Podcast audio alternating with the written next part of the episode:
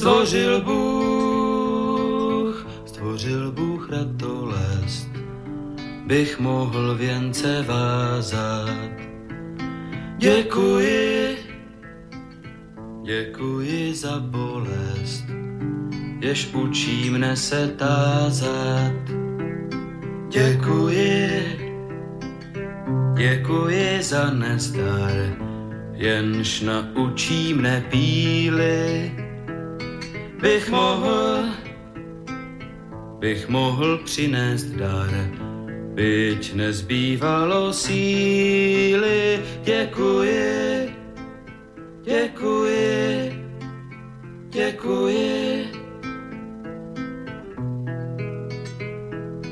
Děkuji, děkuji za slabost, jež pokoře mne učí.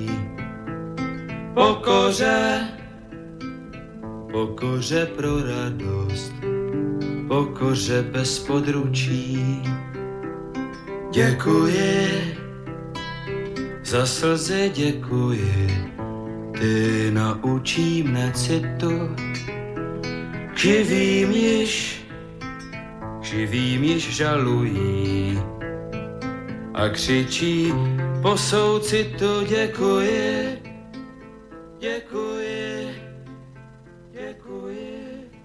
Dobrý večer, vážení posluchači. Stanislav Novotný opět zdraví srdečně z Prahy všechny Slováky a Čechy, který není lhostejný osud našich zemí, našich národů. Je zřejmé, že povaha a podoba euroatlantické civilizace se mění takřka před očima a že se celý svět dostává do nového pohybu. Je také zřejmé, že tento pohyb má a bude mít značný vliv na kvalitu života jednoho každého z nás a naše národní bytí uprostřed Evropy. O projevech těchto změn, o jejich důsledcích, o jejich fatálnosti či naopak o možných reakcích a řešeních, tedy o jejich plusech a mínusech, si povídáme pořadu na Prahu změn. Jinými slovy, diskutujeme o zkušenostech, znalostech, názorech a činech výrazných osobností žijících v naší složité době. No a právě proto si dnes budu povídat s Rudolfem Vítkovičem.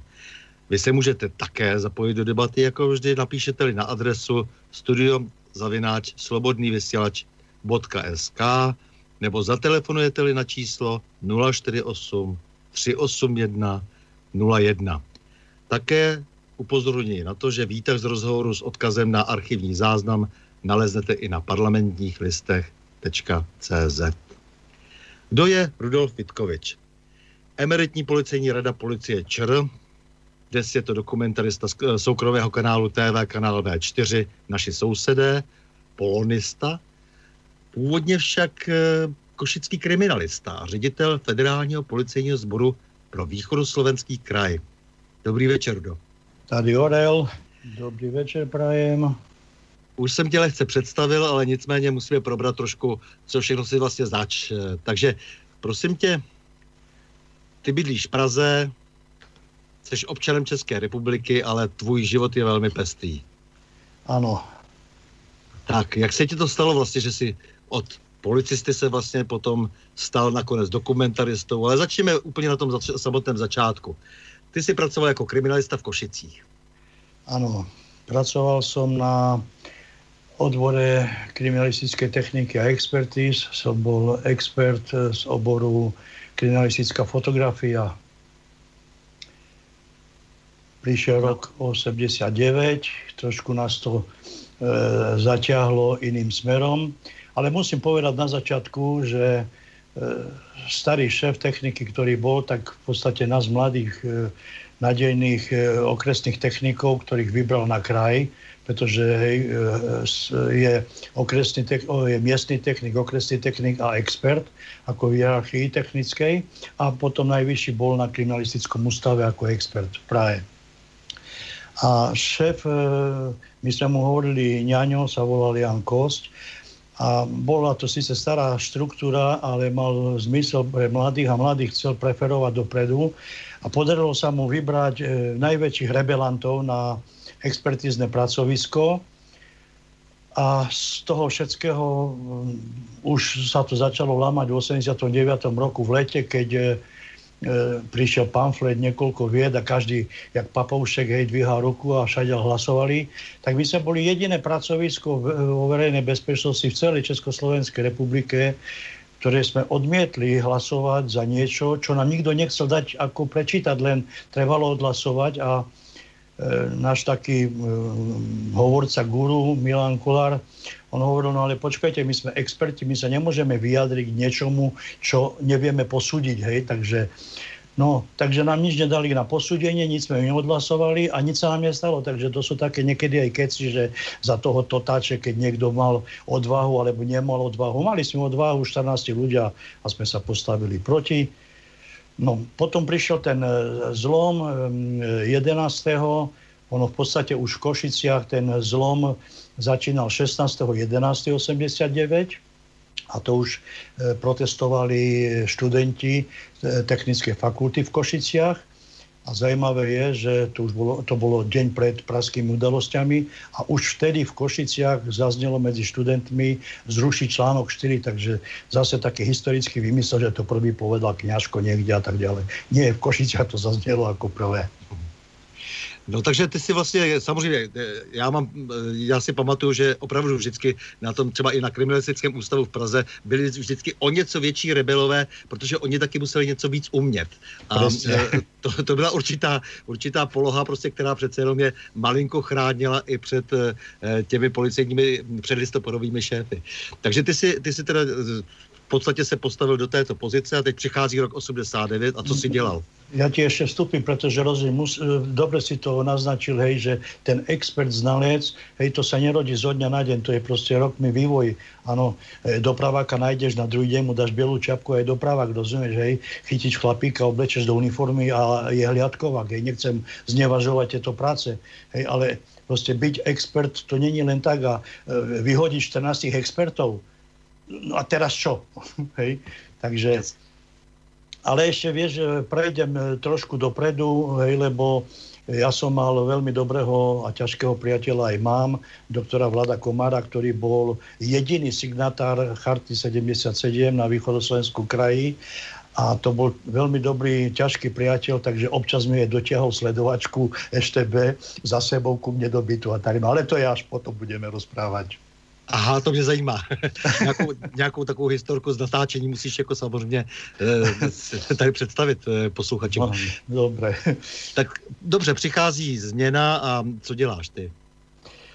Um, potom sme sa v podstate, sme zakladali policajné odbory, takéto v kocke po, po, poviem, pretože nás to ako expertov e, štvalo, pretože nebolo vtedy zastane, vtedy sa pľulo ako na príslušníkov, hej, lebo že e, hej, boli zneužití v podstate v Prahe, hej, ale nie všade sa dali príslušníci alebo policajti zneužiť. Takže sme sa proti tomu postavili a sme sa rozhodli, že založíme policajné odbory, lebo vtedy policajti nesmeli byť organizovaní a rozhodli sme sa, že založíme policajné odbory, alebo sme chceli ovplyvňovať e, dianie na krajskej správe a vôbec v celom kraji e, bezpečnosti, hej, aby sme sa konečne zbavili tých fanatikov, aby ten prerod k tomu normálnemu systému bol lepší. Takže v podstate 25.12 na e, Vianoce v mojej obyvačke v Košiciach vznikli policajné odbory. No.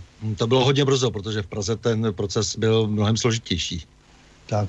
Ale ta, keď chceš také perličky, tak e, to boli zaujímavé perličky, lebo keď sme zakladali tie odbory, no tak e, musíš, aby o tebe vedeli, hej. Tak nás ako expertov, ktorí sme chodili na najťažšie prípady vraždy a všelijaké priemyslové havárie v rámci východoslovenského kraja, lebo niekedy tak bolo, že expert hej, na vraždu, jak dneska chodí každý z okresu alebo z nejakého miestneho, takže na vraždy a na ťažké zločiny chodili experti, ktorí mali s tými skúsenosti. Ja napríklad, keď tak odhadujem, tak som za svojho života bol asi na 150 vraždách, hej, takže viem, viem, aký je postup, hej. Takže preto nás ľudia poznali na tých okresoch a vedeli, čo sme zač, takže oni nám verili pretože my sme sa pohybovali po celom kraji, neboli sme neznámi, poznali naše myšlienky a keď sme vyšli s odbormi, tak tí ľudia na okreso, tí technici, tí detektívovia, tí vyšetrovateľia, oni nás ako pánoch expertoch poznali, takže nám dôverovali, hej ale keď už si pri tej perličke, takže o, o východoslovenskom kraji, lebo mali sme telefóny, tam to fungovalo, ale mm, trebalo nás dostať do republiky, tak si spomínam, vtedy bol e, šéf e, spojenia náš e, priateľ, hej, my sme tak za tých 20 rokov sme sa už poznali a on prišiel za nami a hovorí, a čo hovoríte, blázni, hovorí, robíte, chcete, aby vás zajtra popravili? A my mu hovoríme šéfovi krajského spojenia, hovorí, tak vymyslí niečo, aby nás nepopravili, aby sme sa dostali e, do povedomia. No a on zobral e, to prehlásenie, odnesol ho k sebe na spojovací odbor, tam to dal zašifrovať a vyslal to do celej republiky ako šifru. A na všetkých krajských správach, keď šifru odšifrovali a vy, vyťahli to, hej, že zakladané policajné odbory, tak oni boli v tom, že to prišlo z vrchu. Tak sa zakladali hufne po celej republike a za dva mesiace sme založili odbory v celej republike. Takže ste byli jedni z hlavních iniciátorů. no, piati ľudia sme to zakladali v Košiciach. No. A, takže v roce 90 už si byl potom ale ředitelem odboru Úřadu pro ochranu ústavy a demokracie Košice. To je raketová kariéra.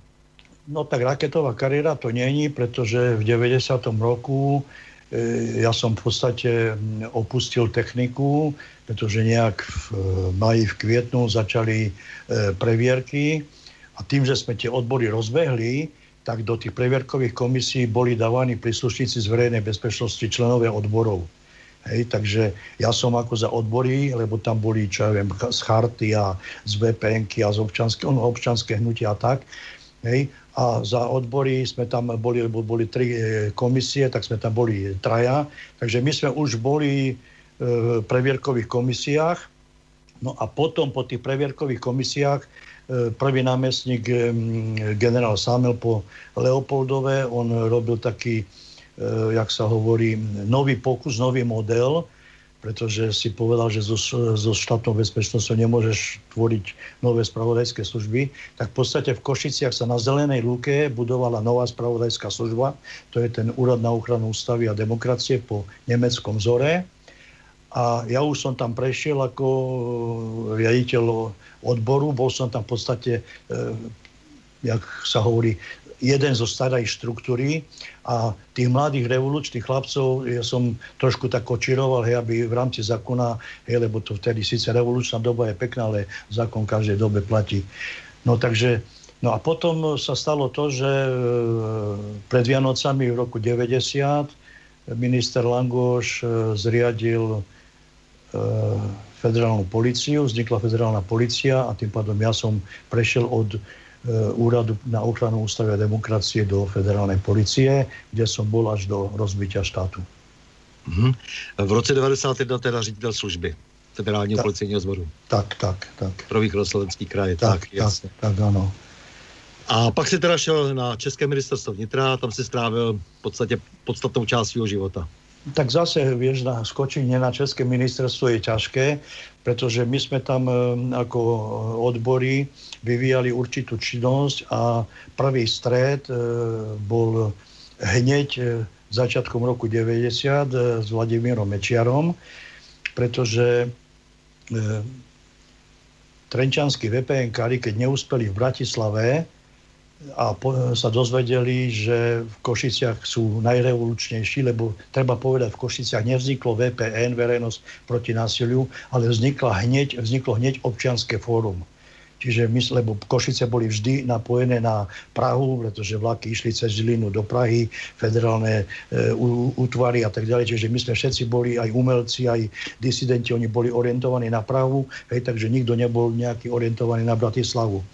A jak títo VPNkári z Trenčína neúspeli, lebo oni vedeli, kto je Vlado Mečiar, a oni vedeli o, tých jeho, o tom, že je registrovaný, že je agent, kde sa nachádzajú spisy a tak ďalej. A keď neúspeli v Bratislave, tak prišli do Košic. Hej. No a my sme v podstate dostali prvú informáciu, kto je Vladimír Mečiar. A keď začala blázneť Bratislavská VPN, čiže koordinačné centrum, pretože Mečiar ich tam ohúril, naliali mu tam, lebo on mal geniálnu fotografickú pamäť, mu za jednu noc naliali celú štruktúru ministerstva vnútra a on ohúril tú vpn hej, lebo údajne, že priateľ s Dubčekom a také, vieš, okolo toho boli. Takže on ohúril tú vpn a vieš, však poznáš, že ako on vystupoval, takže vieš, oni všetci boli akože umelci a e, disidenti a tak, takže potrebovali mať silnú osobnosť a oni sa vtedy e, vo Vladovi uvideli, hej. No a to bol hneď prvý konflikt, pretože on sa stal minister vnútra a my policajné odbory sme boli proti nemu. Hej. On teraz zobral všetky staré štruktúry z Bratislavy a chcel ich schovať na východ. No a my sme sa zase proti tomu povedali, že nie, že my tu máme svojich ľudí, lebo vieš, sme poznali svojich ľudí za 20 rokov, kto je aký názorovo. Čiže to bol druhý konflikt. Hej. Potom tretí konflikt bol, jak tam chcel Demikata, ktorý sa sám prihlásil do e, ústredného výboru a stal sa členom e, kontrolnej a reviznej komisii, kde, ktorý mal prístup do všetkých komunistických archívov na Slovensku. Rozumieš? To bol bývalý Eštebak. Tak toho nám potom zase začal tlačiť. Tak zase konflikt. No. No a potom, keď sa rozpadol štát a e, medzi tým ešte sme, sme boli obvinení, a hlavne ja, e, E, mediálne, že sme pripravovali vraždu na e, Mečiara, pretože moja jednotka bola v podstate e, nová s mladými ľuďmi, kde Mečiar ne, nevedel implantovať nejakých ľudí, ak on rozložil postupne celú tú policiu na Slovensku, tak v Košiciach nemohol to urobiť. Hej. No a preto ja dneska hodnotím a musím povedať, že tzv. konšpiratívne médiá, ako teraz rozprávame, tak nezávislé sú veľmi dôležité, pretože vidíme, čo robí ten mainstream. A ja som osobne bol obeťou toho mainstreamu, pretože sa ukázalo moje meno naplno v novinách. Hej, vieš čo, vtedy ako predsedu vlády chce zavraždiť, veď to bol ťažký, ťažké obvinenie, hej. No, a vyšetrovalo sa to samozrejme, že v ničom sme neboli e, zamontovaní s mojimi mladými ľuďmi, takže e, všetko sa odložilo. Lenže keď sa rozpadol štát, rozumieš, tak hneď v lednu, v januáru 93 už som bol ťahaný na vojenskú prokuratúru a už to začalo a tak som si povedal, tak nebudem tu robiť nejakého martýra, nejakú obeď, nejakého hrdinu. No tak uh, boli tie kontakty v Prahe, tak som si zbalil, jak sa hovorí, pár švestek a odišiel som do, do Čiech. No to bylo vůbec vždycky záhadné v těch Košicích.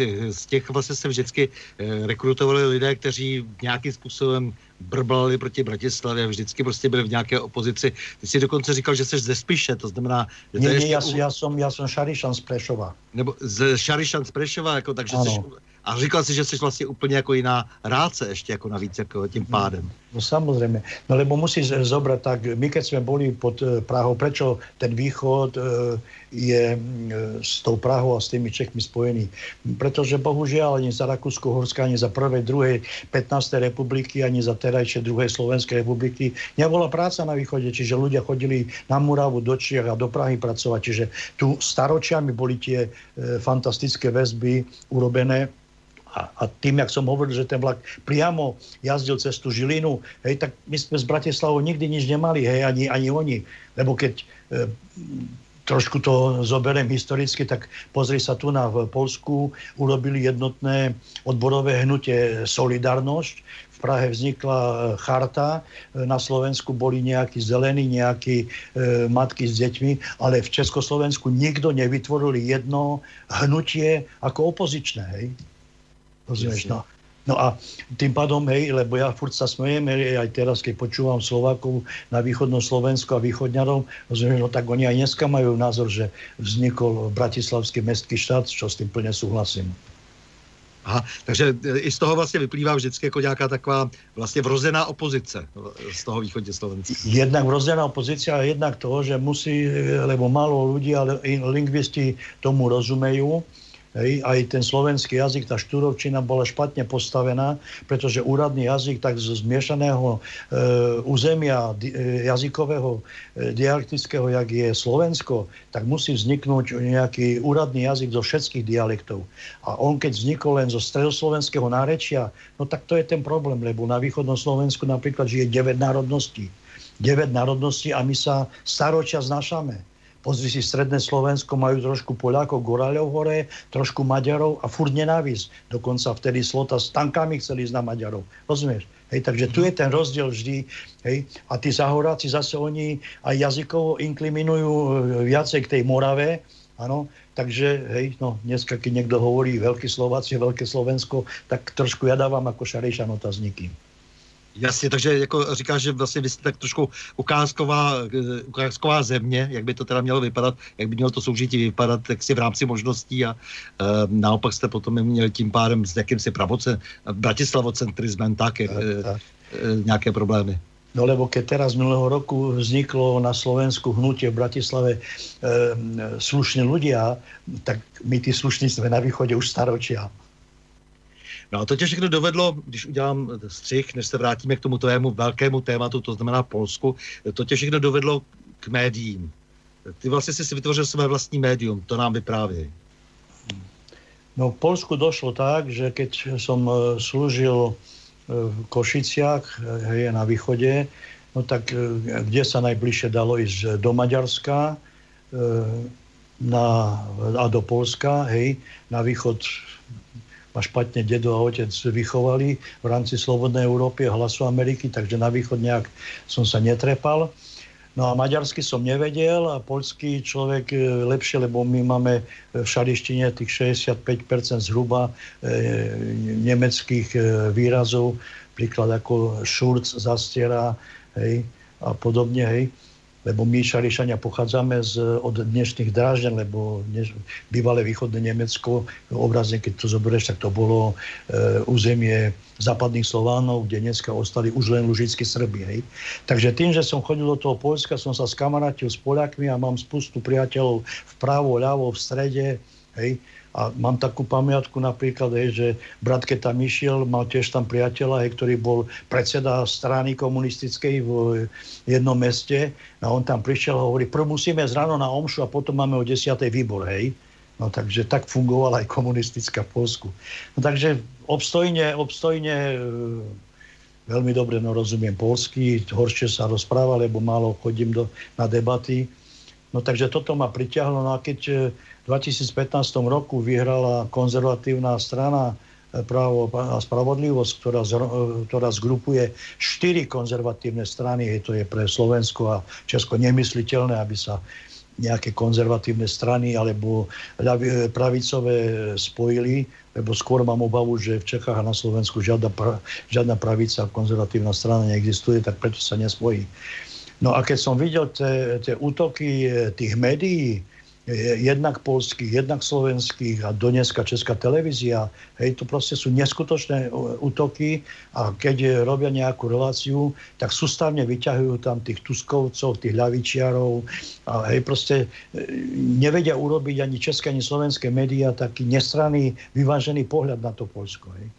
Takže tak som sa dostal Polsku, tak som sa rozhodol, že je potrebné urobiť nejaké, nejaké médium, E, tak dcera mi dala takú myšlienku, že by to malo byť e, v rámci V4, Slovensko, Česko, Maďarsko, e, Polske, tak hľadám ešte nejakého Maďara, ktorý by niektoré veci robil, polské veci viem robiť, slovenské, české, no tak aby, aby bol ten pohľad vyvážený, aby sme vedeli, čo sa vôbec v tom Poľsku deje, pretože vrieska tu, že neústavné kroky a, a čo ja viem všetko, je proste to sú všetko blúdy. Hej.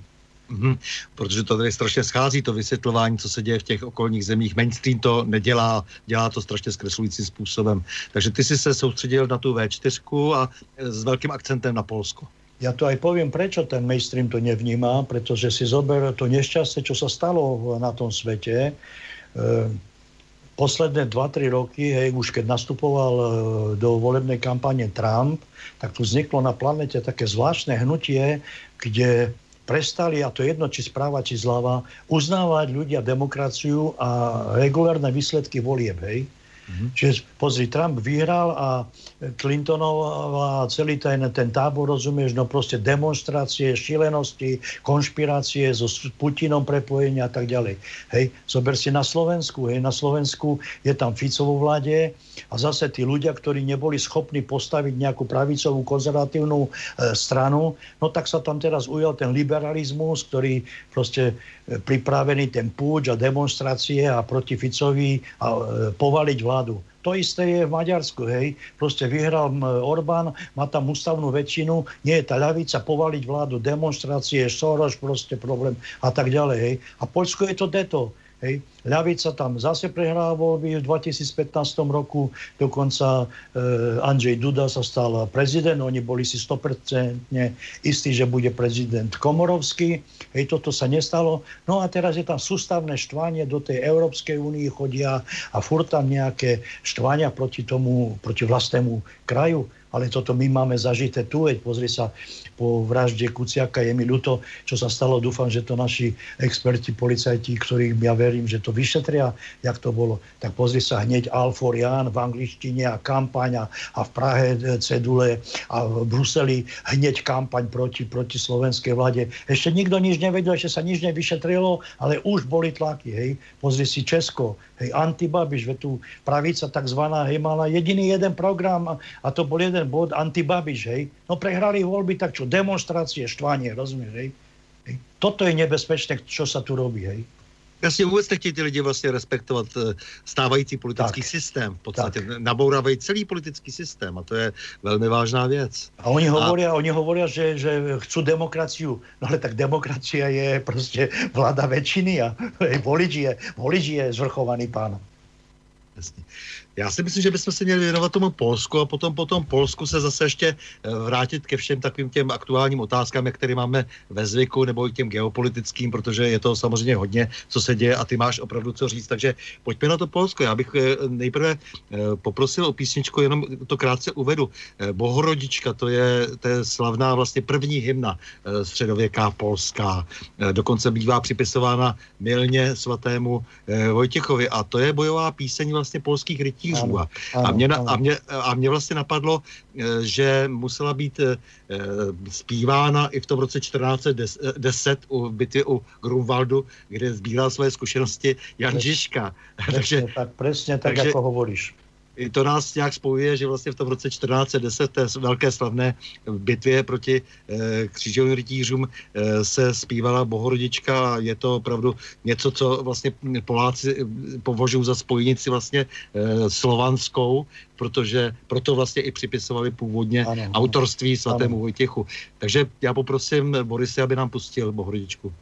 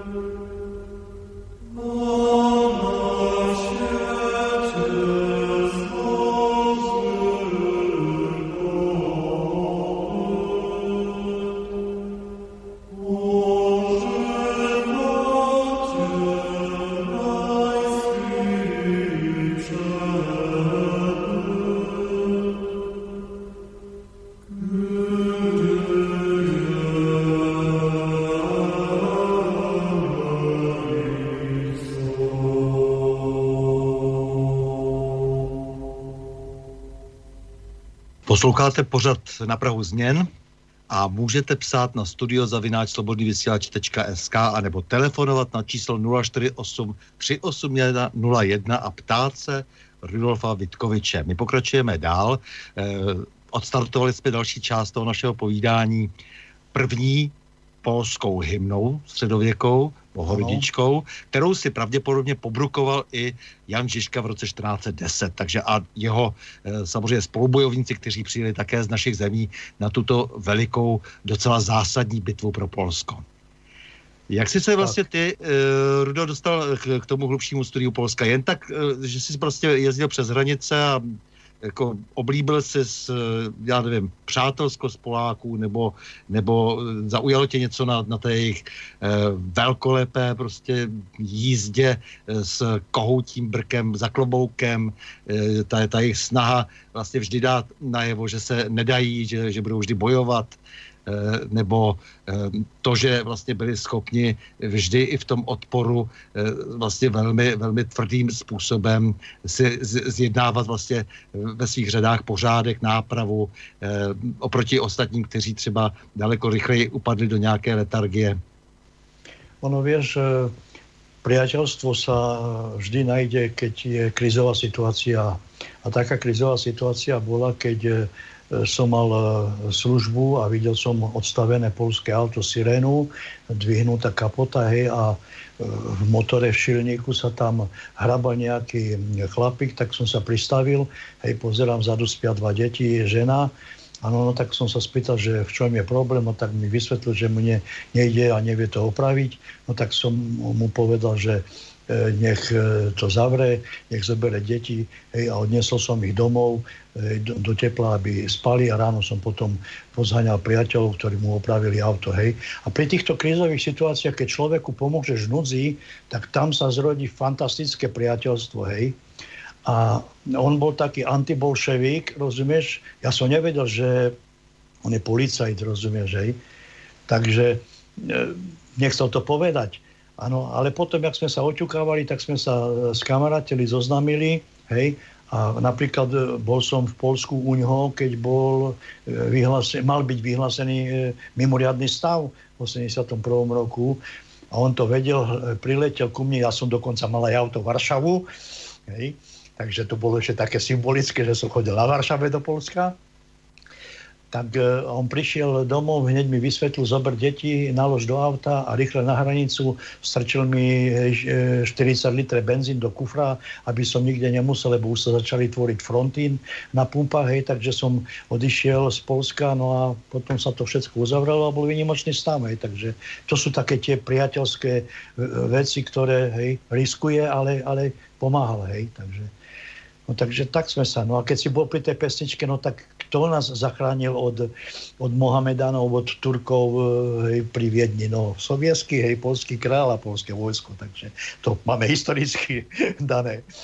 Ne, když se vždycky spolu potkáme tak ty, a přijde řeč na Polsko, tak ty se rozáříš a ty tvoje úvahy o polských reálích, současné polské politice, úloze a významu Polska v evropské politice, to nebere konce. Lebo rozumieš, takže... lebo, lebo musíš to zobrať, Stanislav, tak, že e, je to hrdý národ, hej, ktorý nezlomili ani polskí, ani sovietskí generáli, ani maršali, nezlomili ich ani v v Smolensku, rozumieš, proste ich nezlomíš, hej. Môžeš mhm. robiť, čo chceš, tak oni sa síce budú na oko tváriť, ale proste tú hrdosť majú v sebe, um, bohužiaľ lepšiu, ako máme Slováci a, a Česi, hej. Takže v podstatě to, že ti e, Poláci imponují, tak to tě vlastně přivedlo k tomu velkému zájmu o Polsko tak, tak, vieš, taký, taký tvrdý, taký, jak sa hovorí, správny frajery. Rozumím. Dobře. No takže, hele, trošku nám něco e, vyprávějí o, o polské politice, tak trošku tu nedávnou historii jenom letem světem. E, politická scéna po výjimečném stavu, jak se vlastně vytvářela, potom proměna té politické stav, e, vlastně scény a ten dnešní stav, jak to celé vlastně probíhalo. Jak to vidíš ty, jestli si to povede takhle vlastně kontinuálně popsat? tak stručne, lebo to je na, na, na hodiny debaty, ale poviem to stručne, takže tým, že som tam chodil a tá solidarnosť tam fungovala a tí ľudia hej, z, z dediny, z mesta a rodiny a priateľia prišli a to boli e, všetko zapalení ľudia, ktorí riskovali, boli zatváraní a tak ďalej. Hej. Takže aj te, o tej solidarnosti som sa dozvedel veľa a už vtedy človeče si predstav, tí Poliaci, niektorí už vtedy hovorili, že najväčšie nešťastie je v solidarnosti Valensa, že je agent. Hej? A vieš, to bola veľká hviezda vytvorená a teraz, keď zoberieš to odstupom tých desiatok rokov a sú informácie, no tak samozrejme, že bol prikrytý štátnou bezpečnosťou Valensa a že celá solidarnosť okolo Valensu bola kontrolovaná štátnou bezpečnosťou ministrom vnútra e, Kiščakom, hej. A keď si zobereš dneska na YouTube, nájdeš e, veci, hej, ktoré už boli zasadanie v 88. roku Valensa a Kúroň a Adam Michník z gazety Vyborčenieska, ktorý je tvrde ľavicový, hej, e, bolševik, rozumieš, ktorý tvrde útočí na vládu. Takže oni už vtedy s Kišťakom jednali a zaujímavé bolo to, že tie e, videá sú dostupné dneska na YouTube a vtedy už tam obchytený popod pazuchou e, pod paží chodil Kišťak, šéf, šéf, šéf e, ministra, minister vnútra, ktorý mal na starosti EŠTB, s Valencom, hej, a to bolo bez záznamu, len kamery za, zachytili, že chodili po zahrade, hej. Potom sú tam na tej Magdalenke, jak si tam e, pripíjali, hej, na Polsko a na Kišťaka a na Jaruzelského. Hej, dneska, keď pozeráš tie e, historické autentické zabery, tak ti príde špatne z toho. No a potom sa vytvoril tzv. ten okrúhly stôl v 89. A to bolo nešťastie, ktoré postihlo to Polsko až do roku 2015, keď vynechám obdobie 91-92, e, keď tam bol premiér e, vlády Jan Olševský, ktorý bol po prvých demokratických voľbách, lebo to v 89. bolo tak, ako u nás boli kooptovaní hej, do parlamentov ľudia, ale prvé slobodné e, voľby boli v 91. roku, kde e, vyhrala e, tá taká slušná hej, a solidarnosť a stal sa premiérom vlády Jan Olševský, ktorý pred dvoma týždňami e, zomrel. Hej, to, hej. No a potom zober, že v 92. roku pretože on išiel tou cestou, lebo čo sa stalo?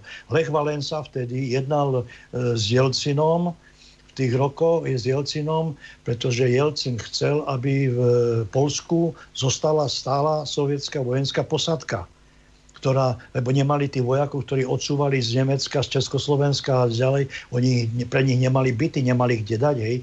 Takže na toto Olševský zatrhol, Hej, a do dneska je jasné, že ten Valensa je, je riadený, pretože aj dneska vystupuje aj proti, proti tejto, tejto vláde e, Kačinského a tak aj proti bratovi Nebohemu. Takže e, a vynikajúci investigatívny novinár Vitol Gadovský, ktorý v Československu neexistuje taký investigatívny novinár, ako je Vitol Gadovský, tak on to e, trefne nazval do volieb v 2015 roku, že to bola republika okrúhleho stolu. Mm-hmm. Ale, ale že bychom našli tolik paralel, viete, jako s tím, eh, s tím Valencou u nás na Slovensku, v celé východní Evropě, že bychom našli tolik hodně paralel. No samozrejme, lebo jak, jak e, vyšlo to, lebo čo je zajímavé? Zajímavé je to, že jeho spis agenta e, krycím názvom Bolek e, mal u seba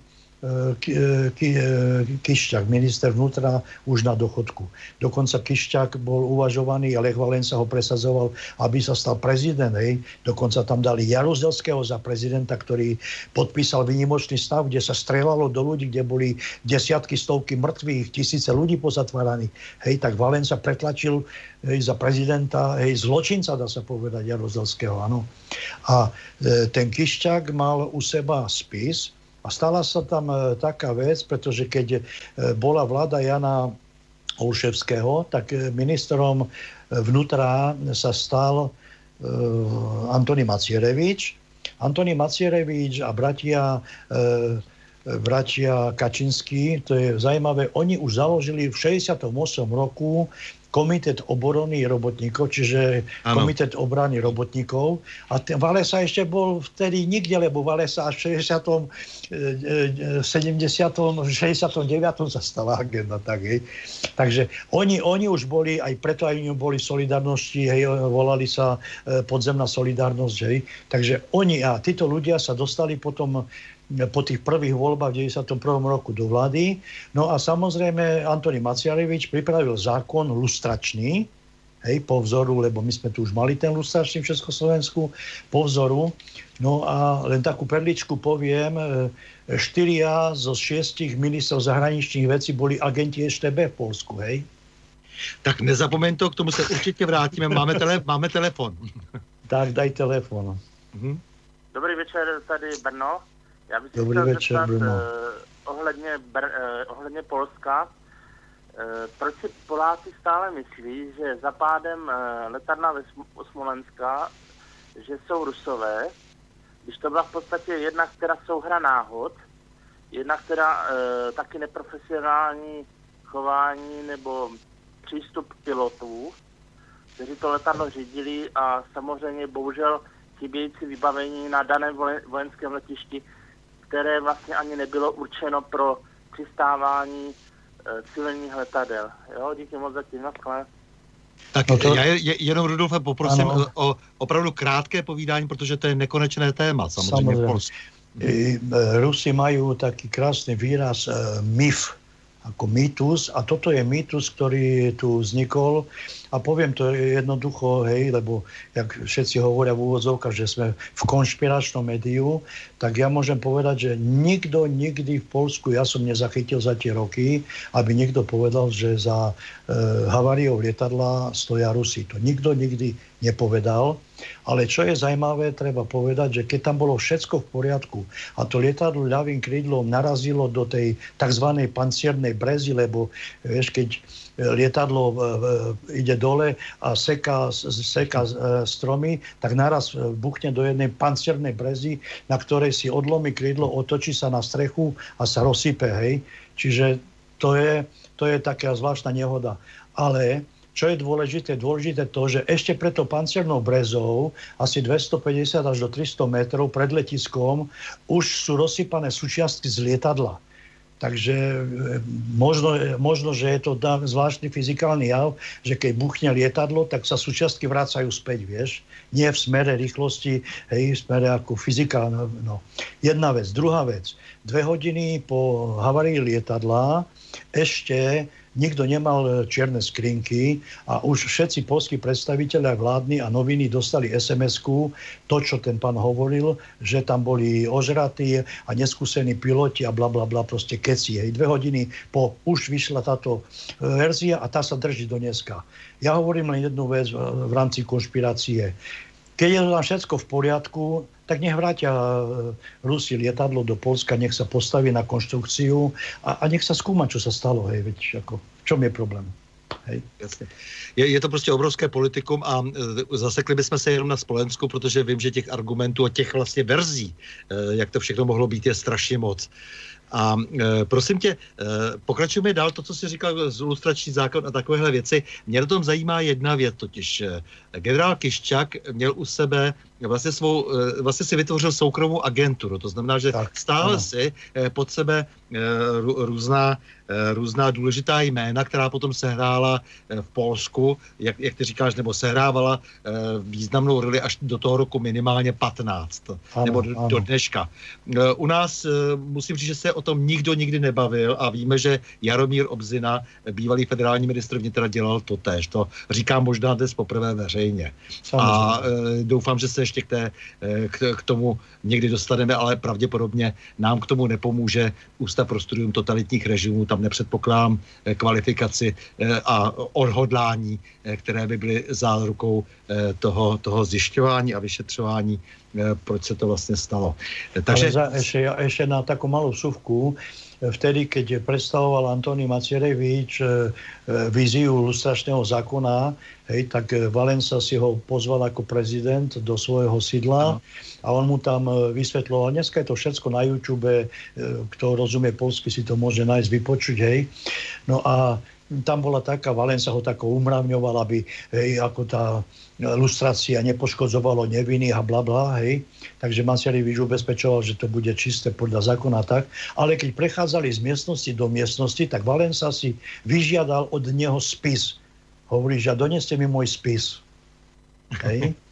A e, on si bol istý, len ešte mrchy novinári, tak jedna kamera tam stala za dverami a mikrofón natočila e, tú prozbu, hej. No takže no to je len taká zase perlička, hej. Já to vím, těch příběhů je kolem toho Valenci tohoto druhu strašně moc, eh, kdy vlastně před ním vlastně jeho řídící orgány utíkali dokonce. No ale já ti povím ještě jednu perličku, dokonce v Košiciach sa minulého roku v lete, to ještě budem robiť reportáž, lebo mám podkladové materiály, sa otvárala takzvaná eh, lavička Václava Havla v Košiciach, kde na jednej strane sedel e, bývalý e, člen UVKSS a ešte Schuster, komunista, vedľa sedel agent e, Valensa, hej, ako on prišiel podporiť, lebo hej, on je veľký Havlovec, ja som zisťoval, tak Valensa sa s Havlom v živote stretol asi 3 alebo 4 krát, nikdy nie za disentu, nikdy nie na hraniciach, hej, tam sa disenti stretávali, ale Valensa nikdy, lebo on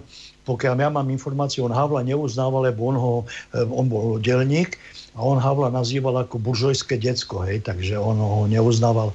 Hej. A to bolo zaujímavé, rozumiem, že sedí tam bývalý funkcionár eh, komunistický, agent štátnej bezpečnosti, bol tam pri, pri tom otváraní aj pán knieža Švanceberg, a ten veľký kresťan Dan, Dan, Daniel, už mi vypadlo meno, hej, čiže... Da, Daniel Herman asi pravdepodobne. Daniel Herman, áno, a oni asistovali agentovi EŠTB polskému Bolkovi a vadí im agent tzv. Babiš. No to sú, vieš, také paradoxy. Samozřejmě, no tak jako tady, my tady víme, že tady byla celá řada lidí, kteří podle nařízení eh, ministra vnitra právě onoho eh, obziny nesměli být eh, nikdy vzati prostě pod písemný závazek, protože spolupracovali automaticky a, a ti nikomu nevadí, že? To znamená... Ale ještě, to, vieš, roz, roz, roz, ešte rozdiel je v tom, vieš, keď už som načal do pana Babiša, hej, tak ja neobraňujem ako agentúru EŠTB, ale po 30 rokoch, aby sme sa fúr morili v nejakej agentúre EŠTB, už, už sme úplne niekde inde, hej. Už vyrastli nové dve generácie, už druhá generácia nová rastie, hej.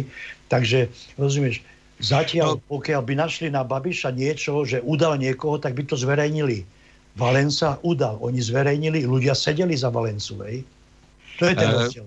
Přesně tak a tady je celá řada lidí, kteří v tomto smyslu byli opravdu mnohem vyšším patře eh, než eh, třeba pan Babiš a to je ten celý prostě problém. Eh, takže vlastně zloděj křičí, chyťte zloděje a můžu jich vypočítat celou řadu. Nie, no Takže... tak si, zo, si zober po revoluci, po previerkách prešli kmeňoví e, príslušníci štátnej bezpečnosti do nových e, zložek, ako je príklad BIS a e, dneska sú aj v Národnom bezpečnostnom úrade tzv. šifranti, ktorí robili šifru, hej, tak oni sú ešte dneska v týchto dôležitých funkciách v štátnej správe v Čechách a ja na Slovensku. A niekto mi 20 e, e, rokov alebo 30 rokov po revolúcii vykladá, hej, že šifrant e, je ťažko vycvičiť. Nie, šifrant sa vycvičí za 6 mesiace a 30 rokov my sme nevycvičili nových šifrantov. Jasně. Teli, telička, file a tak dále, Štětina stojí v čele Evropské unie. Takže to je, to je, to je mnohem skandálnější. Prosím tak. tě, eh, ta, takže pokračujeme dál, tak teď jsme se dostali někdy do těch 90. Eh, let, nebo já neskočíme třeba až do, do, do toho roku 15, ale e, chtěl bych vědět prostě, jak vnímáš vlastně tu proměnu té scény. Máš pocit, že to jsou všechno jenom ty lidi toho kulatého stolu, jak, jak do toho roku 15, nebo jak to vlastně, e, jak to, jak to vlastně jednoduše popsat tu, čes, tu, tu polskou politiku? Rozdiel medzi Českom, Slovenskom a Polskou je v tom, že aj keď je tam e, ľavica, ktorá je naklonená do EÚ, kde chodí, udáva vlastnú krajinu a vlastných predstaviteľov, tak v tom Polsku, keď prídeš do, do hospody, tak tam sú ľudia za Európsku úniu a za NATO. Tam, keď povieš proti EÚ v krčme a proti NATO, tak dostaneš po papuli keď v Čechách na Slovensku povieš proti NATO a proti EU, tak ti kúpia panáka. No, ten rozdiel. Dobře, no ale přece jenom jako i v, Pol, v tom Polsku se to dneska myslím mění, takže e, mám takový pocit, protože přece jenom při tom štěpení scény e, dochází e, vlastně i k té diverzifikaci názorů i na Evropskou unii, e, kde samozřejmě hraje velkou roli pro ně vztah k Německu. No samozrejme, pretože e, to je, to je od veky nepriateľ, hej, oni majú proste východ a západ, historické skúsenosti, tie Poliaci, tí boli vždy e, rozdrobení buď, e, buď východom alebo západom, hej, tá druhá svetová vojna, keď v 39. E, začala s tým tajným dodatkom so Sovietským svezom, hej, tak proste oni sú veľmi citliví a e, treba povedať, že dneska, čo sa stáva v Európskej únii? My keď sme, a ja som bol šťastný, že ideme do Európskej únii, lenže tá Európska únia odbočila od tých svojich štyroch základných e, e, bodov a vzniká nejaký nemecko-francúzsky pakt, respektíve my to vidíme skôr, keď analizujeme, že vzniká Mittel Európa, to je tá nemecká predstava o tej nemeckej Európy. Hej?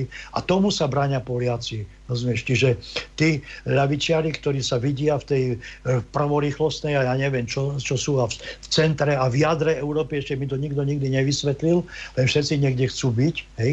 Takže oni, oni sa vidia v tom, že majú tú podporu v tej Európe, pretože tá Európa skače na e, ústavné veci, na reformu súdnictva, jak do Maďarov, tak do Rumunov, tak do Poliakov, hej, pretože e, ústavné veci a súdnictvo je v národných veciach, hej, čiže my, my sme e, tieto veci ako členské štáty neodovzdali na vyšší, vyšší orgán, takže neviem, čo všetci vrieskajú, o, Timmermans a títo ľavičiaci, e, Juncker ožratý, rozumieš, hej, Hej. Takže tí Poliaci, ktorí chodia tam udávať a ktorí bojujú dneska proti tej vlade hej, Moravieckého, tak oni sa boja, hej, že by neboli stíhaní za tie darebastva, ktoré tam v tom čase narobili, keď Tusk tam bol a pravo a spravo, pravo, platforma obyvateľstva bola e, vládnou stranou. Hej.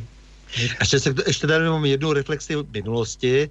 Dobrý večer, děkujeme za mimořádně zajímavé povídání. Vzpomínám si na rok 87, kdy jsme projížděli Polskem a kdy kolem kostelu byla zvláštní atmosféra svobody, kterou jsme u nás neznali. Byla spojena s návštěvou Jana Pavla II. a třeba i s umučením kněze Popěluška. Jaký je váš názor na úlohu církev při pádu železné opony v Polsku?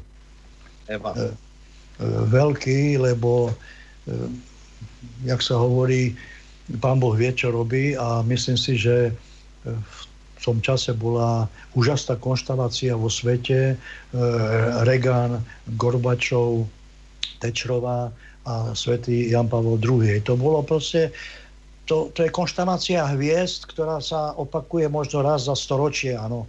A tá konštalácia hviezd za tým, že sú tí Poliaci e, e, verní e, viere, hej, že nepreskakujú a ten liberalizmus e, sa tam e, nechytá, tak e, ten pápež ich oslovil, pretože ten pápež bol hrdina, pretože Jan Pavol II pôsobil ako kňaz v odboji, v podzemnom hnutí. Hej.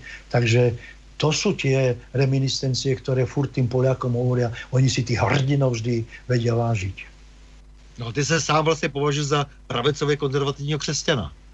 Tak tak ma špatně vychovali v rodině. Dobře.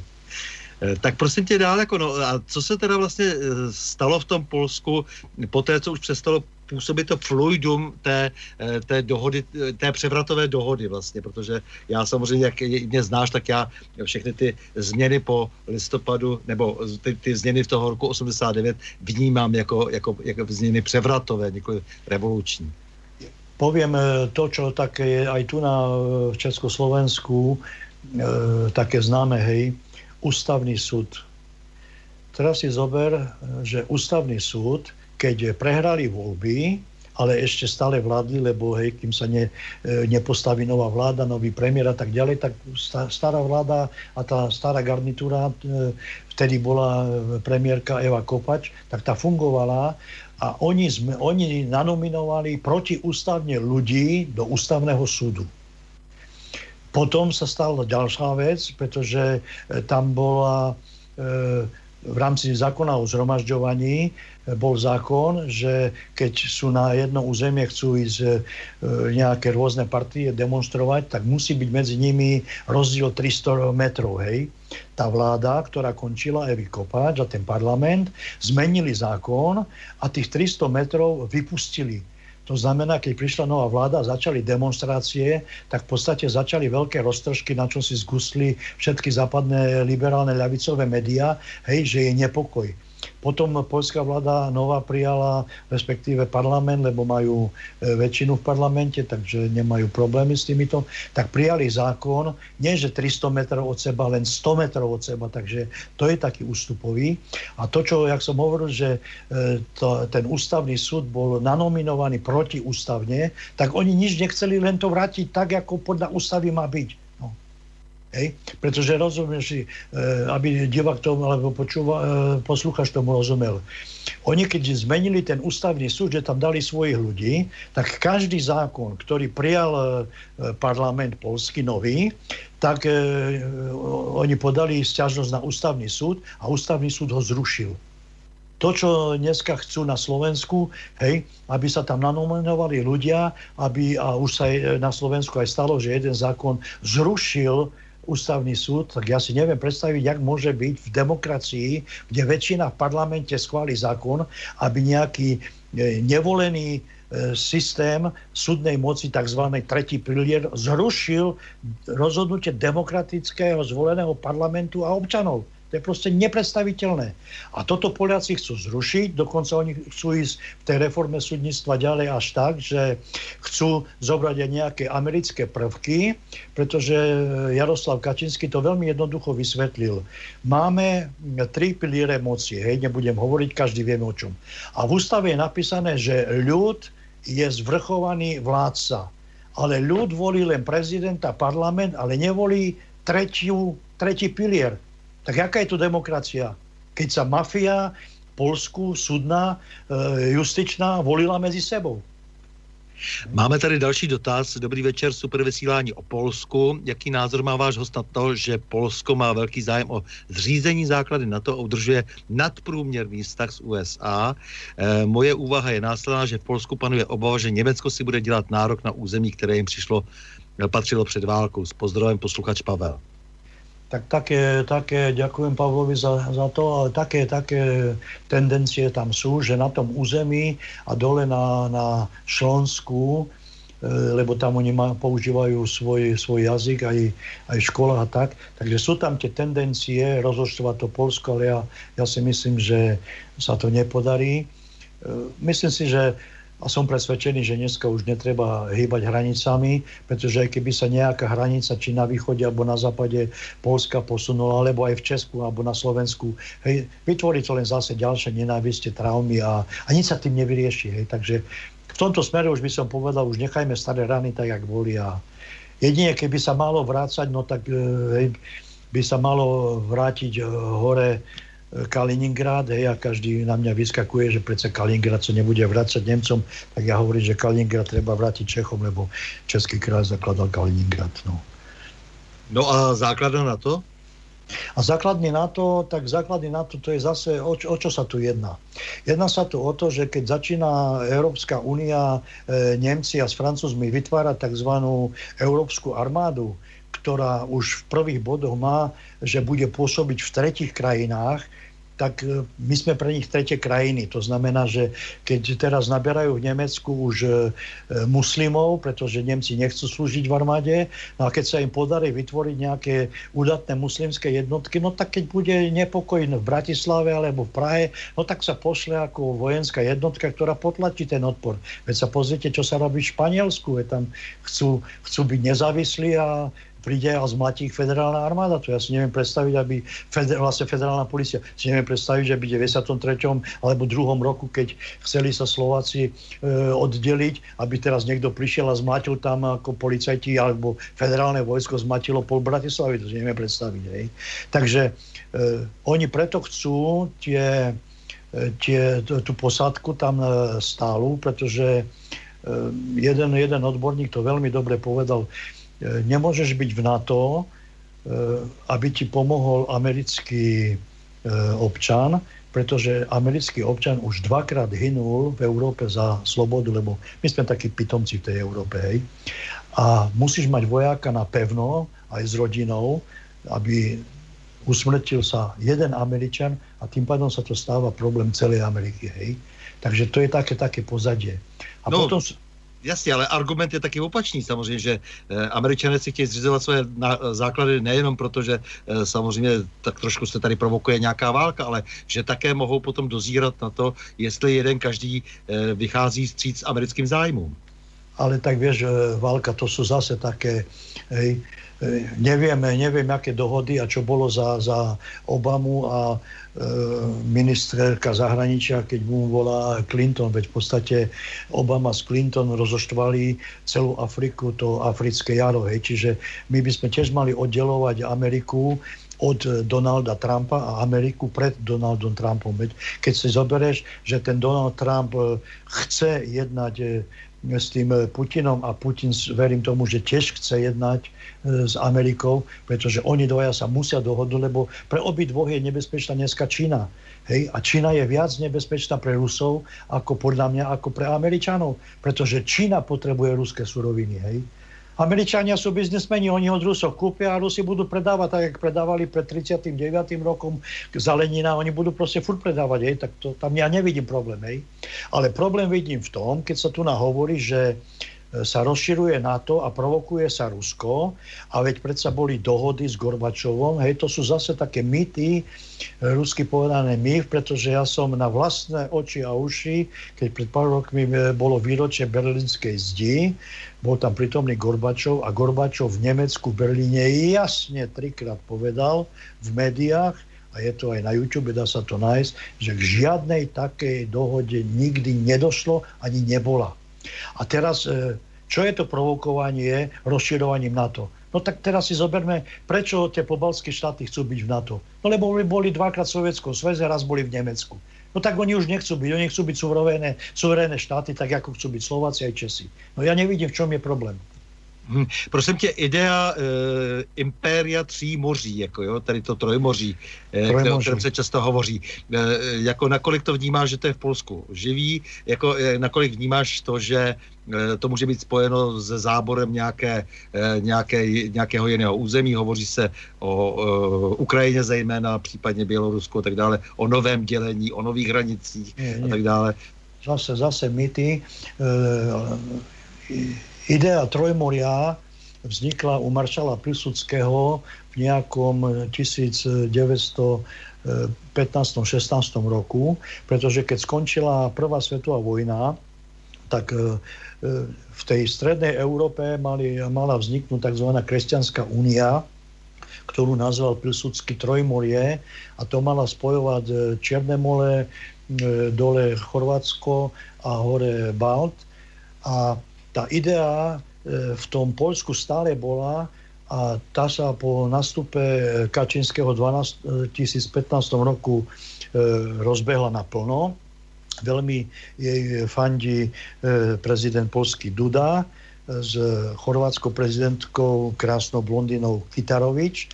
Takže oni v 2015 roku už urobili prvý summit, ktorý bol v Chorvátsku a tam pozvali podpísali, 12, 12 štátov podpísalo e, tento spolok Trojmoria, to znamená tri pobalské štáty, Polsko, Česko, Slovensko, Maďarsko, e, Rumunsko, Bulharsko, e, Chorvátsko a Slovinsko. Hej. Čiže to je, to je to Trojmorie a v rámci tohto trojmoria bolo druhé zasadanie v 2017 roku vo Varšave, kde na zasadanie prišiel aj Trump. U nás sa o tom nesmie hovoriť, hej keď Milo Zeman hovoril, že aký je priateľ s Trumpom a jak mu fandil, tak on vtedy, keď Trump bol vo Varšave a Milo Zeman tam mohol ísť na zasadanie Trojmoria, tak sedel na fúkovacom žltom e, člne a Českú republiku zastupoval Hamáček, ktorý nemal ani šajn, ani páru, čo je, čo je Trojmorie. Takže a to Trojmorie e, e, má byť e, to, má byť taká silná váha voči tej prvorýchlostnej a tej e, e, Európy západnej, pretože my si tu musíme pomôcť a vybudovať silnú strednú ekonomicky túto Európu. To znamená, aby sme neboli závislí na jeden e, zdroj energie plynu. To znamená, to nebezpečie, ktoré je tu, nám volá sa Nord Stream 2, ktorý sa buduje medzi Nemeckom a má, má budovať medzi Nemeckom a Polskom, čiže Nemci zrušia atomovú energiu, zrušia uholnú energiu, proste všetko zrušia a zostanú závislí na jedinom ruskom e, zdroji. A mne to tu nám vychádza ako, že pravdepodobne zase došlo k nejakému paktu medzi Nemeckom a Ruskom, pretože je sebevražda, sebevražda takého Nemecka, pokiaľ nemá tam silné garancie, aby opustila, bola na jednom ventile, zavriem a ste, hej, Takže e, to Trojmorie e, sa dohodlo, pretože e, sa vybudoval už na ostrove Krk port, kde sa z, z, z tých arabských štátov bude voziť plyn ropa. V Polsku na severe už vo Svinušťu už sa vozí americký skapalnený plyn a keď sa predpojí tá cesta sever-juh, tak v podstate E, bude, budú všetky krajiny v podstate nezávislí e, na nejakom, nechcem urážať Rusov, na, na ruskom diktáte. Plus teraz už sa začala budovať e, Via Karpatia, e, vlaková cesta, ktorá má prechádzať od pobaltských štátov až dole, rozvetovať sa do Rumunska, do Bulharska. Teraz Via, Via Baltika, to je to, čo my tu na, samozrejme zase viešte konšpiratívne naše, keď Zeman hovorí, že treba ten Baťov kanál urobiť, no tak to je v rámci projektu Trojmoria, pretože sever s Dunajom sa má prepojiť, čo Baltické more a jedine chyba tá trasa e, toho kanálu Českého. Takže hej, u nás sa neguje Zeman, ktorý má dobrú myšlienku, lebo to, to sú dohody, na ktoré pristúpilo 12 štátov, len my o tom nesmieme hovoriť. Hej. Víš, ono takových dohod jako bylo v historii už strašně moc, jako jo, když jako mluvíš třeba o té infrastruktuře a tak dále, to od, od, od středověku jsou tady nějaké plány a nějaké sny, ono potom je otázka, jak se takové věci dají realizovat a jestli to nakonec dobře, protože často porušíme docela důležité geopolitické hranice a ono to tak jako jednoduše nejde, zvláště v tak složitých podmínkách, jakýž je třeba Balkán nebo střední Evropa. Ale já se teda, já jsem se ptal právě proto, že prostě vím, že eh, v tom Polsku jsou velké diskuzi o diskuze o reálnosti toho trojmoří a že se k tím často přidávají i ty debaty o tom, co dělat v případě rozpadu Ukrajiny, který opravdu hrozí. Ta Ukrajina je v takovém stavu, že tam ten rozpad eh, de facto eh, může k němu dojít letos, příští rok, kdykoliv prakticky. Lebo Ukrajina, Ukrajina je problém eh, s tým svojim e, nacionalizmom, s tými e, banderovcami a s tým všetkým možným, lebo oni ich teraz vyzdvihujú ako hrdinov, hej, ktorí vraždili jednak svoj národ, vraždili poľský národ, hej, e, vraždili Židov, no, a dneska ťažko ísť do nejakého paktu, pokiaľ toto si Ukrajina nedokáže urobiť vo vnútri ten poriadok, hej, ale je to ťažké, lebo napríklad si zober, hej, jak sa môže tá Ukrajina braniť vojensky, e, keď e, sú tie manželstva pre, premiešané s Ukrajincami, s Rusmi. Hej, dneska ty nemôžeš povedať, že joj, ty si Rus policaj, tak vypadni, ty si Rus e, vo voj, v armáde, tak vypadni, lebo ubličíš nevidým ľuďom, ktorí sa dneska cítia Ukrajinci. Čiže to, že ten Stalin tam premiešal všetky tie národy v Povalti na tej Ukrajine, to je ten prúser, rozumieš, hej? A tie krajiny sa musia z toho dostať a preto tam vznikajú tie nešťastie, hej, lebo E, tí e, banderovci, oni to nepochopili, že už v 44. 45. už prešla fronta, oni si furt mysleli, že nejaký západ im tam dovolí urobiť nejakú vlastnú Ukrajinu, vlastný štát. No to sa nestalo. Ale to je dôsledok Sovietskeho sväzu, pretože musíme ísť do histórie, hej. Keby nebol Sovietský sväz, keby nebol hladomor na tej Ukrajine, keby nebolo to nešťastie, ktoré bolo, hej. Napríklad si zoberme v 46. roku sa vojaci Ukrajinci, ktorí sa dostali do Berlína, ktorí bojovali, hej, tak e, boli e, odvlečení a zlikvidovaní. Potom boli zlikvidovaní ich manželky, deti boli zobraní na prevýchovu do, do táborov, potom z nich boli vymité mozgy robení vojaci. Takže tá Ukrajina, vieš, musíš aj z toho hľadiska pozrieť, čo sa tam stalo aj po tej vojne. No nejenom to, samozřejmě, tak, tak Ukrajina prostě to je eh, nejkrvavější svědomí, svědomí Evropy. Oni si přesadili kdysi i Poláci, že jo, samozřejmě Němci jako velmi silně a tak dále. Nesmíme z toho nikoho vyjmout, nejenom sovětský svaz. Ale samozřejmě. Takže, samozřejmě. takže, takže to, je, to je samozřejmě nešťastná eh, země, protože přes ty stepy se eh, rychle dá jezdit a, a, a ty nájezdy historické a tak dále, takže já mám na mysli prostě opravdu ty, ty nejstarší vlastně jako zkušenosti Ukrajiny jsou vlastně pořád ty též, jo. Ty, ty, ty opravdu sahají, sahají daleko, eh, co paměť sahá. Ale e, o to nejde. Jiná věc je tady, že říkám, tady jsou nějaké projekty. Proč hovořím o tom Trojmoří? Protože my tady máme svůj vlastní projekt V4. Jak vidíš jako jeho životoschopnost? V4, V4 je, je veľmi dobrý projekt a tá V4 v podstate je taký, taký základ v tom Trojmorí, pretože jeden Poliak e, to pekne povedal, že keď sa Nemcom a Francúzom v Európskej únii nepačí, tak nech z nej vystúpia.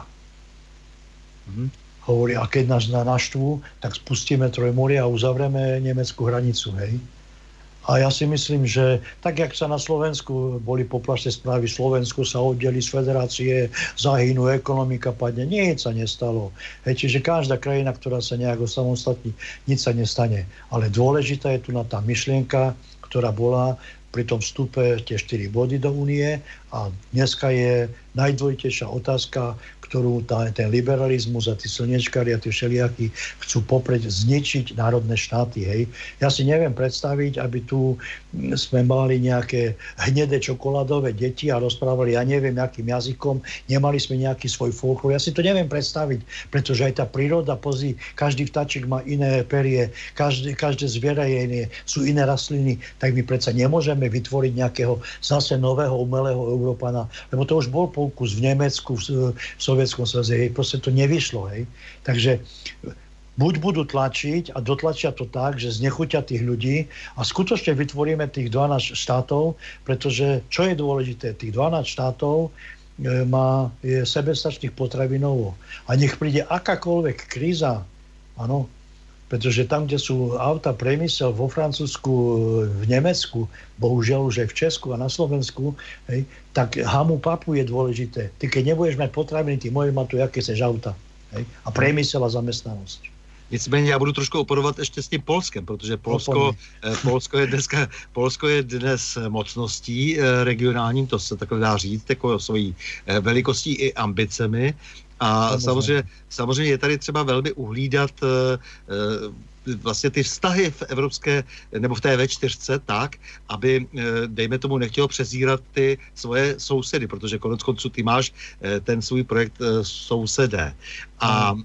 teď trošku pozorujeme například to, že se Varšava blaví z Budapeští, přezírá Slovensko. Já to zase vyčítám Praze, že není schopná daleko více komunikovat se Slovenskem, protože vždycky blížší košil než kabát a my máme k sobě nejblíž a potom, že neděláme vůbec ale vůbec neděláme eh, polskou politiku, to znamená, my nejsme dnes schopni eh, komunikovat dobře s Varšavou.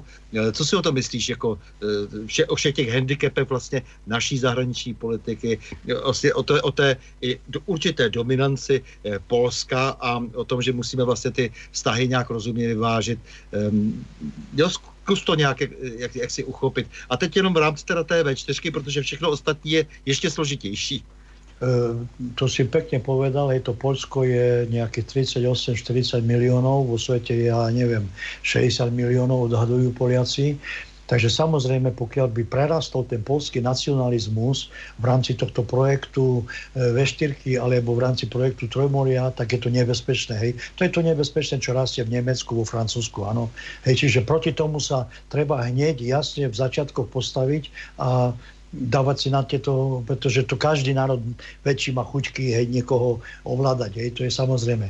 A čo sa týka V4, Slovensko a Česko, no tak to sú dva slabé články vo V4, kde to pochopila pani e, Muti Merkel a aj e, priateľ, jak sa volá, Macron, Macron, e, no, francúzsky. Macron.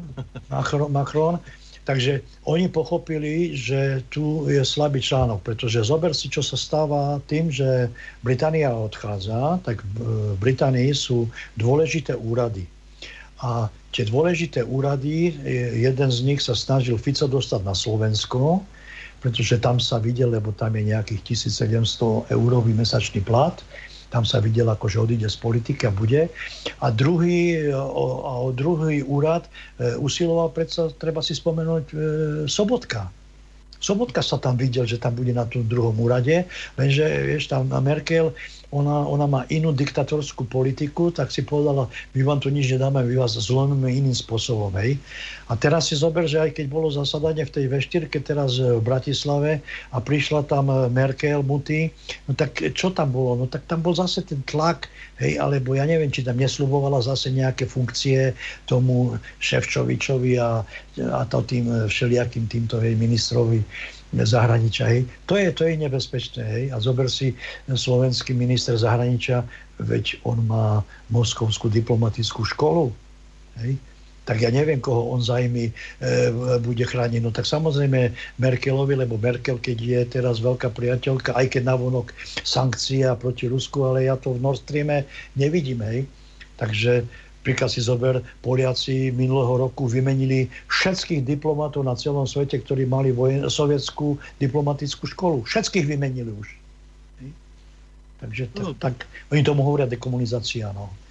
A že vidím ten ako e, slabý článok, my sa tu na napríklad e, zase e, mytusy sú, že ale Poliaci nás zradili, e, čo sa týka bežencov, hej. Zase treba rozdeľovať Polsko do roku 15 a po 15. Samozrejme eh, Eva Kopač ako premiérka slúbila vo veštírke, že Poliaci nepríjmu a keď prišlo v Bruseli na hlasovanie, tak Eva Kopač povedala, že Polsko príjme.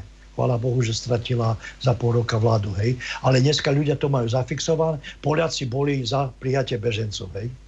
Prosím tě, takže ještě, jak jsme to říkali na začátku, zkus nám popsat, jak to vypadá vlastně e, v polském parlamentu, jak to vlastně vypadá vůbec rozložení sil a jaké perspektivy ty vidíš, jaké se objevují nové tendence, nová hnutí, jsou-li a tak dále polskom parlamente podľa mňa je to v poriadku, vládna, vládna časť má tam e, nadpolovičnú väčšinu, takže furt tam skúšajú odvolať nejakého ministra, aj keď vedia, že nemajú toľký, taký počet hlasov. To robia v Bratislave, hej, furt nejakého odvolávať, nemajú na to počet hlasov. To sú také pokusy aj v Čechách občas, ale Česi sú trošku, by som povedal, inteligentnejší v tom parlamente, takže nerobia to každý druhý mesiac nejaké odvolávanie v Polsku.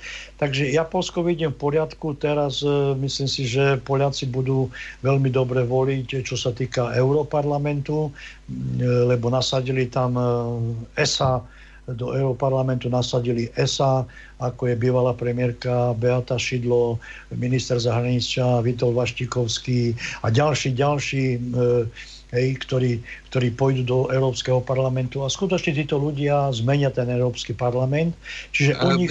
Mohol by si jako jenom zmínit jejich základní program, dejme tomu, já vím, že jsou spíše euroskeptici, ale co, co chtějí dělat? oni, oni nie sú euroskeptici, pretože... A takový mírní euroskeptici, tak asi, ne? No nie, nie, nie to, to naše médiá dávajú, že oni sú anti a skeptici. Oni proste chcú, tak jak e, Mateo Salvini a jak sú e, ďalší ľudia, proste vrátiť tú Európsku úniu k tým štyrom základným bodom, zrušiť ten diktát, zrušiť ten moloch bruselský, hej, lebo príklad zober si, hej. E, zhruba e, bruselský parlament má 750 členov, hej. Británia odchádza, to je zhruba 50 členov, ale ten parlament sa neznižilo 50 členov, oni si to rozdelili medzi sebou. Čiže keď ešte vystúpia ďalšie krajiny z Európskej únie, tak ten parlament bude mať furt Molok 750 na to treba robiť, nie? Na tie platy obrovské, ktoré tam sú. Takže nikto nechce vystupovať z únie, pretože aj, aj Taliani, aj každý ti povie, hej, to sú len tie naše liberálne, lavicové a tieto vytváranie tu mediálne stále strašiť ľudí, rozumieš? Nikto nechce likvidovať Európsku úniu, lebo je to najlepší projekt, ktorý vznikol. Ale mať chimeru, že zničíme národné štáty, budeme mať jednu armádu, to sú proste debiliny. Keď Nemci, Francúzi dneska nevedia platiť do e, NATO, e, to, čo majú, to není, že platiť do NATO, lebo to je zase mýtus, hej, že to sa platí niekde do NATO. Nie. To sa dávajú peniaze do rozpočtu, aby v každej krajine za tie peniaze sa budovala armáda. Tak jak Poliaci budujú 250 tisícovú armádu, budujú tzv. oboronu e, teritoriálnu obronu, hej, 50 tisíc mladých ľudí od 15 rokov, hej, čiže to, to si zober, že to je 300 tisícová armáda. Týmto smerom máme ísť. My si máme posíliť armádu. A nie také keci, že vystúpime z NATO, zrušíme armádu, nám je treba, neutrálni budeme, no a kto nás bude brániť? No armádu jsme se téměř zrušili, takže armádu no, však, no, znovu no, budovat. No, Naopak, no. znovu budovat, jako nic jiného dělat nemůžeme. Tady je jenom otázka, že předsezetí, které si dávají někteří, eh, někteří kandidáti do Evropského eh, parlamentu, tak je otázka, nakolik jsou vůbec reálné, nakolik mohou projít prostě Ale... přes ten obrovský molo, kde si vlastně ty kapři eh, rybník nevypouštějí. Že? Ale rozumieš, Stando, Stanislave, no. ale musíš mať armádu, Hej, aj čo, ja nehovorím... Nie, no tak armáda je bez diskuze. Armáda na, na, na dva roky službu, ale veď ale, sa pozri, tí mladí ale, ľudí, veď sú zoženšteli. Armáda musí, je... minimálně musí chránit, chránit hranice přece, jako naše ale, armáda není schopná už tam, ničeho. Ale tam sa buduje stavovská hrdosť, tam sa buduje vzťah vlasti. Rozumieš, nie tí, títo zoženšteli e, pišťaci mladí chlapci, rozumieš? Souhlas naprostej. Hele, prosím tě, takže ještě jako něco, co by se stahovalo vysloveně k tomu Polsku. 300 miliard dolarů jako oš, očkodění obětí holokaustu. Co si o to myslíš? No, myslím si tak, lebo... Je, očkodení... Ta kauza hýbe Polskem, polskou politikou, zahraniční politikou, vztahem e, vlastně k Izraeli, k Washingtonu?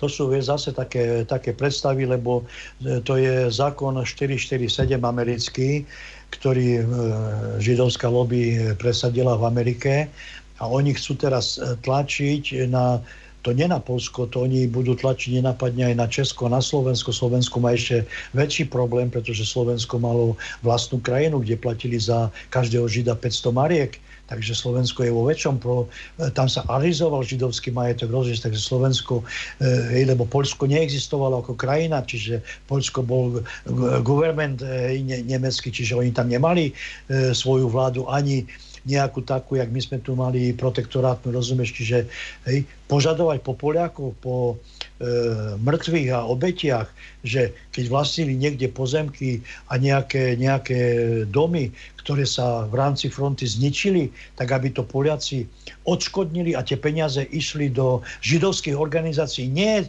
nie tým, ktorí to vlastnili, lebo tí už nežijú, rozumieš, hej? Ale do nejakých organizácií. No a to Poliaci nechcú pripustiť, ani nepripustia to. No. A otázna je, čo urobia, urobíme v Čechách a na Slovensku. Či potichučky budeme, hej, či nebudeme. Hej. Pozri, teraz napríklad dvihla sa energia v Čechách na Slovensku. Hej, ten kandidát na e, prezidenta, eurokomisár, ktorý má energiu na starosti. No veď to bolo pred 5 rokmi jasná dohoda, že sa budú dvíhať energie v, e, v únie, v rámci Európskej únie. Hej. To podpísal vtedy premiér Tusk, za to dostal, za tie všetky darebactva, čo tam narobil, dostal e, post, dokonca on je nominant Nemecka, čiže Tusk je kandidát, e, predseda Rady Európy, on je nemecký e, nominant, nie polský, hej, čiže on zaujíma, on chráni nemecké zájmy, nie polské, hej. A Poliaci minulého roku prijali špeciálny zákon, kde sa zmrazilo, kde v podstate prijali zákon, že sa nebude v rámci podľa toho unijného nariadenia sa nebudú zvyšovať energie. Poliaci to urobili. Prečo to neurobili Česi Slováci? Jasně, ale jsem se chtěl vrátit ještě k těm 300 miliard, miliardám dolarů, protože vím, že to je opravdu dnes kauza, která hýbe eh, polskou zahraniční politikou. Je to velmi důležitá kauza. My si tady nemůžeme dovolit, aby, aby se tady opět zvedla karta kolektivní viny přece. Ale tak oni dneska už v Izraeli, ten minister zahraničia Kac povedal takúto vec, čo dvihlo celé Polsko, že Poliaci nasali už v materskom mlieku antisemitizmus ano, a že ano. neodpúšťame a nezabudáme, hej. No a na to polská reprezentácia povedala to, čo povedal Kac, minister zahraničných vecí Izraela, neodpúšťame a pamätáme, rozumieš, hej. Takže to je, to je Zase sa treba ale vieš, pozrieť, čo sa deje v tom Izraeli. Hej. Netanyahu je tam taký problém ako slovenský prezident, hej, e, s manželkou a so svojimi deťmi e, v rôznych e, kauzách lieta, hej, zatiaľ nebol obvinený, pretože nemôže byť, hej, a on sa za každú cenu musí udržať vo vláde, pretože mu hrozí vysoké, vysoký trest. rozumieš, hej, keď opustí funkciu premiéra.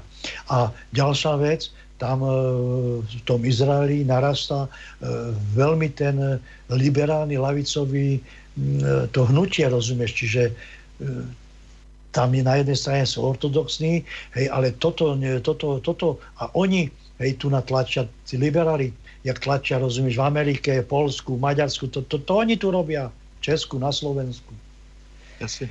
Ale Takže... my nejsme o to, aby jsme řešili jejich politické problémy a eh, nechat se, nechat se vydírat eh, tímto způsobem, eh, nechat si vlastně na hlavu spadnout kolektivní vlnu u lidí, kteří za nic nemohli a nic přímo nespustili, tak to prostě... Vieš, taká os Amerika, Amerika, Polsko, Izrael bola celkom priateľná, celkom príjemná, hej, pretože Izrael to není blbá krajina, má technológie a tak ďalej, bezpečnostného charakteru charakteru a podobne, čiže na tú spoluprácu, ale tým, že oni majú tie voľby teraz a potrebujú ukázať, tak oni šlapli na tú nacionálnu nebezpečnú strunu, rozumieš, tak oni, keď obvinujú, rozumieš, niekoho z nacionalistu a z vraždenia Poliakov, vlastne Židov, tak oni dneska nastúpili na tú nebezpečnú vlnu, rozumieš, a ja, rozoštvali si svojich priateľov, hej, ako sú Poliaci.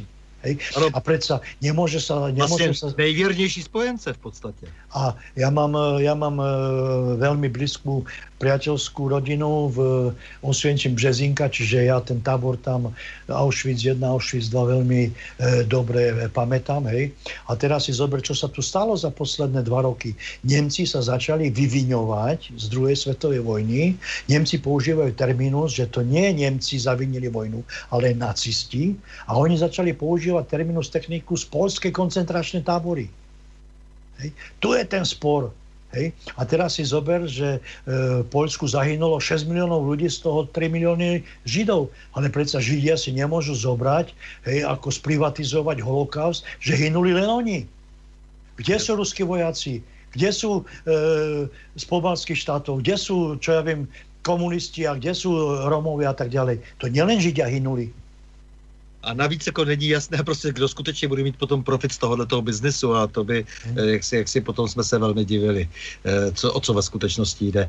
Eh, prosím tě, já bych to Polsko ukončil, ve zbývající půl hodině si budeme ještě vyprávět. No, počkaj, o... nemůžeš ukončit Polsko, lebo teraz vznikol nový konflikt v Unii, lebo Unia bola ticho a teraz sa ozval Lavrov a hneď sa ozvala Unia. Poliaci chcú v mieste vyšlanej prekopať kanál smerom do kilometr 200 metrov, kanál do prístavu Elblongu, lebo oni teraz v Baltickom mori chodia dookola, taký tam je ten poloostrov a chodia kolo e, ruského územia cez Kaliningrad a keď im Rusi zastavia e, prístup, a nepo, nepustia ich, tak oni sa nedostanú do svojho prístavu a nedostanú tovar do Polska, rozumieš, hej? Takže teraz oni sa rozhodli, že ten starý projekt, ktorý tam je nejaký 20 rokov, že sa to urobí, ale keď bol sovietský svet, tak nebol dôvod, lebo sme boli priatelia, nikto by neblokoval nejaký, nejaký vstup do toho, ale dneska sa to môže samozrejme stať. A Poliaci chcú byť nezávislí aj v tom smere, takže oni si povedali, prekopeme tu na kilometr a pol, urobíme kanál, no na to sa ozval Lavrov, no ticho bolo trošku, no a už sa ozvali Nemci. A už je problém, hej, lebo zase musia tlačiť, Nemci pochopili, že je ohrozený Nord Stream 2, pretože ten Nord Stream 2 podporuje zrušenie Trumpa. Poliaci, rozumieš, hej? A povedzme si, prečo ten Nord Stream 2, hej? tak e, v Čechách ľudia sú spokojní, lebo keď ten e, plyn príde po Balte do Nemecka a po linii Opal príde tu na, e, do Čiech, no tak je to v poriadku, dostaneme nejaké suroviny, keď nám Nemci pustia, hej za dobré chovanie. Rozumieš? Takže ja si myslím, že vždy treba mať... Za, aspoň, za vysokou cenu, samozrejme. Samozrejme, treba mať vždy nejaké e, dva, tri zdroje a potom sme takí nezávislí. A buďme frajeri. A ešte si zober e, Pavlák, e, bývalý e, po tom, v tej nočnej zmene, keď bol puč Valencov, keď sa z Oršavského vláda v 92. roku zrušila, prišiel tam za premiéra mladý Pavlák, ktorý sa potom stal šéfom energetiky polského hospodárstva, tak Poliaci majú na 30 rokov urobenú dohodu s Ruskom a Poliaci majú najvyššiu cenu plynu v celej Európe. A potom sa čuduj, že chcú dovážať z Ameriky. Potom sa čuduj. No. Dobře. Takže, takže jestli už k tomu nemá žádný komentář. Nie, nie, nie. A tak já bych, na hodiny by byla debata. No. no samozřejmě to je na strašně dlouho, ale já bych to uzavřel tím, že bychom si tu bojovnou hymnu, tu současnou hymnu, eh, ještě Polska nezginula, bychom si měli prostě teď pustit, to znamená Dambrovský, Dambrovskýho prostě Mazurka vlastně. Eh, v roce 1797 eh, Poláci díky této písni doufali, že Dambrovský se svými legiemi přijde a po vlastně rozdělení Polska, že zachrání situaci a že obnoví eh, samostatnost Polska. Více než 200 let eh, trvalo, nakonec než se to stalo až v roce 1927 Sejm eh, tuhle píseň z toho roku 1797 uznal za státní hymnu a mimochodem ta hudební část je vlastně našla vyzna, vyznění hejslované, hejslováci, to byla Samozřejmě. zase hymna slovenského štátu za e, druhé světové války a měli bychom si ji pustit určitě, takže Boris, já poprosím.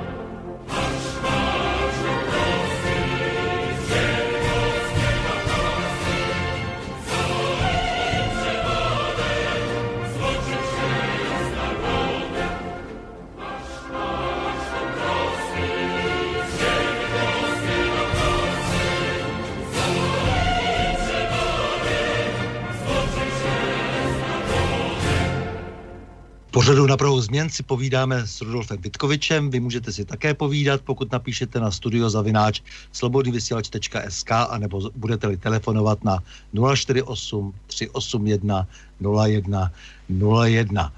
A máme tady, Rudolfe, ještě polský dotaz. Ako se pozeráte na rusofobii v Polsku? Nie sú Poliaci neobjektivní a nevďační, tá se co? Ja neviem, čo je, čo je nevďak, keď zoberete, že staročiami boli okupovaní buď Nemeckom alebo e, carským e, Ruskom. A po prvej svetovej vojne, keď e, vzniklo za pomoci Ameriky, že budú štáty národné, no tak uh, oni, oni začali budovať národný štát, pretože oni mali svoje kráľovstva, čiže oni sa chceli vrátiť k svojej histórii. No a dopadlo to tak, že tam prišli sovieti až k Varšave, no a oni ich vyhnali, hej, takže si uza, u, to územie si uchránili a budú si ho chrániť. Hej. Ale ja sa ešte vrátim k tomu Marš e, Dobrovský. E, vo Varšave je e, Kulaťak Rondo Dobrovského a tam každý rok 11.11. 11. sa robí tzv. národný pochod, čo my tu vysvetľujeme ako že pochod fašistov V 17. roku ja som bol týždeň v Polsku a na jednej konferencii, takže som sa bol tam aj pozrieť na ten marš. Nevidel som tam fašistu, nevidel som tam nikoho hajlovať, že tam prišli nejakí provokatéri, dneska sa vie, kto to boli, hej, ktorí tam rozvinuli ten transparent a už tam čakali tí novinári zo západu. Hej, a e, Verhofstadt, e, eurokomisár, keď nazval v parlamente európskom, že pochodovalo, pochodovalo 60 tisíc fašistov, no tak to je neprekonateľná úražka, vieš. Tak to len tak na, na, na doplnenie toho Dobrovského, ale 11.11. 11.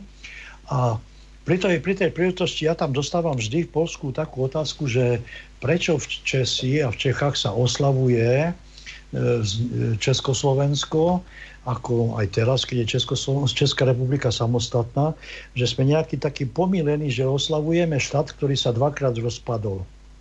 A dali mi takú otázku posledne, že kto je taký český národný hrdina. Tak ja som zalovil v pamäti, hovorím, však tu netreba dlho loviť, veď, veď, veď veľký národný hrdina je Svetý Václav, nie to je 9. mesiac, nie?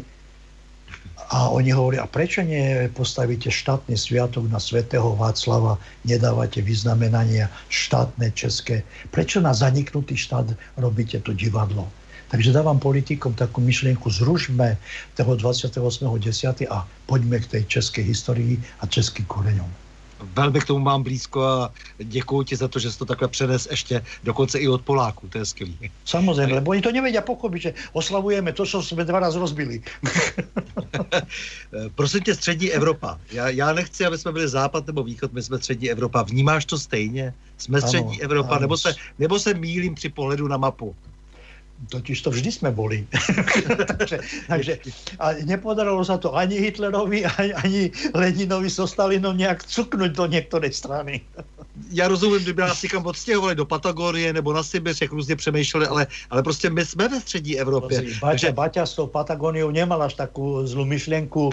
More by sme mali krásne hory a konečne by sme mali kľud. Však si zober, veď v Južnej Amerike nebola ani prvá, ani druhá svetová vojna tam jsou hodně ty větry, jako, no, hodně no, tak, větry. ale mali bychom elektrárně e, vrtulové.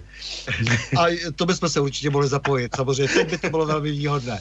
Ale, ale nicméně prostě já bych e, strašně rád, aby jsme se zabývali identitou střední Evropy, středoevropské politiky. Všichni víme, že to má obrovskou historii, tradici a teď se nám tady někdo snaží gumovat mozek a pořád tady nám vypráví něco o západu a východu. My jsme střední Evropa. Ty se tomu věnuješ, takže proto bych rád docela, aby jsme ve zbytku si povídali o střední Evropě. Takže ty máš eh, jakousi, jakýsi projekt, sousedé, samozřejmě akcentuješ hodně to Polsko, protože o něm nejvíc, nejvíc víš, eh, sám říkáš, ale že si uvědomuje, že je nutné se eh, rozeznat trošku v tom, co se děje v Maďarsku.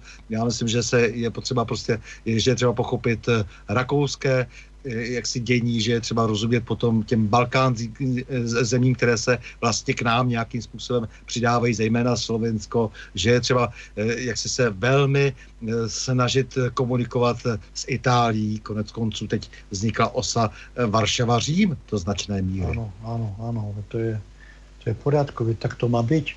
Toto vyplašilo Němcov a Francúzov, hej, ale tá stredná Európa bola a bude, aj keby e, mali vystúpiť z nej Nemci s Francúzmi, aj proste tá Európa tu ostane, my v nej budeme a že budeme spolupracovať a budeme, budeme priatelia, pretože my máme tú, tú skúsenosť historickú na tom východe. My máme tú, tú sovietizáciu e, v sebe. Už tí mladí ľudia nie, oni už sú úplne zblbnutí s tým gendrom a s tými trojpohľaviami, 15 pohľaviami a neviem, s čím rozumieš. Hej. Čiže to je nebezpečné, že máme veľa vysokých škôl ľavicových a oni už vypatlávajú no, mladým ľuďom mozgy. A ja to dneska vidím pri voľbe prezidenta na Slovensku, keď robia nejaké debaty, komu tlieskajú tí blbnutí, zľavicovaní, hej, neomarxisti, tí mladí ľudia, rozumieš, hej, proste oni sa vidia v tom liberalizme a oni nechápu, hej, lebo nemajú ten cit, ten národ, oni nevedia, čo to je byť mať zavreté hranice a nemôcť nikde ísť, nemôcť študovať, neučiť sa jazyky. Hej, čiže oni to berú samozrejme lebo sme im v 89. roku otvorili dvere. No.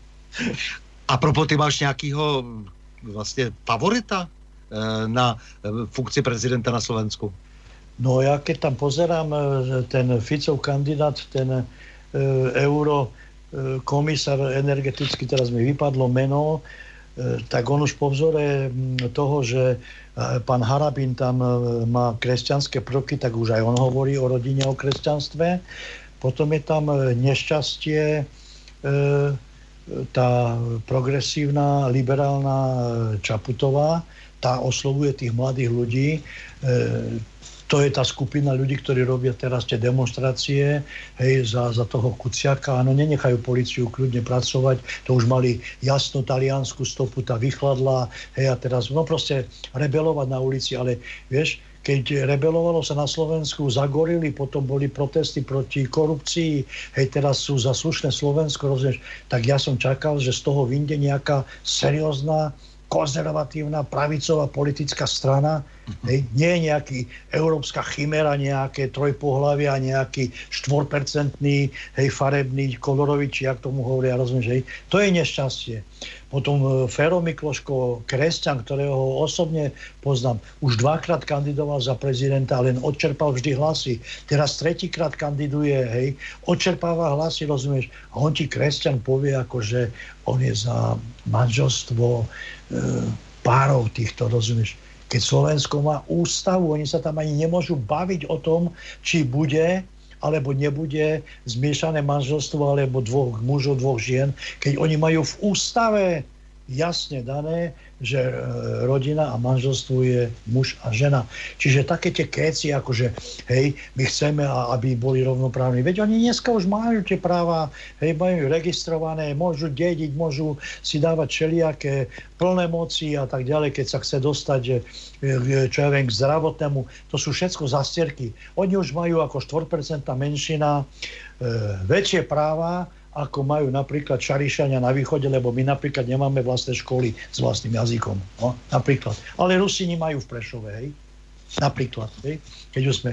Takže to je bláznostvo. No a potom, potom je tam ten, ten úplne zblbnutý a jediný, ktorý je, je seriózny, tak je to pán Harabin, doktor.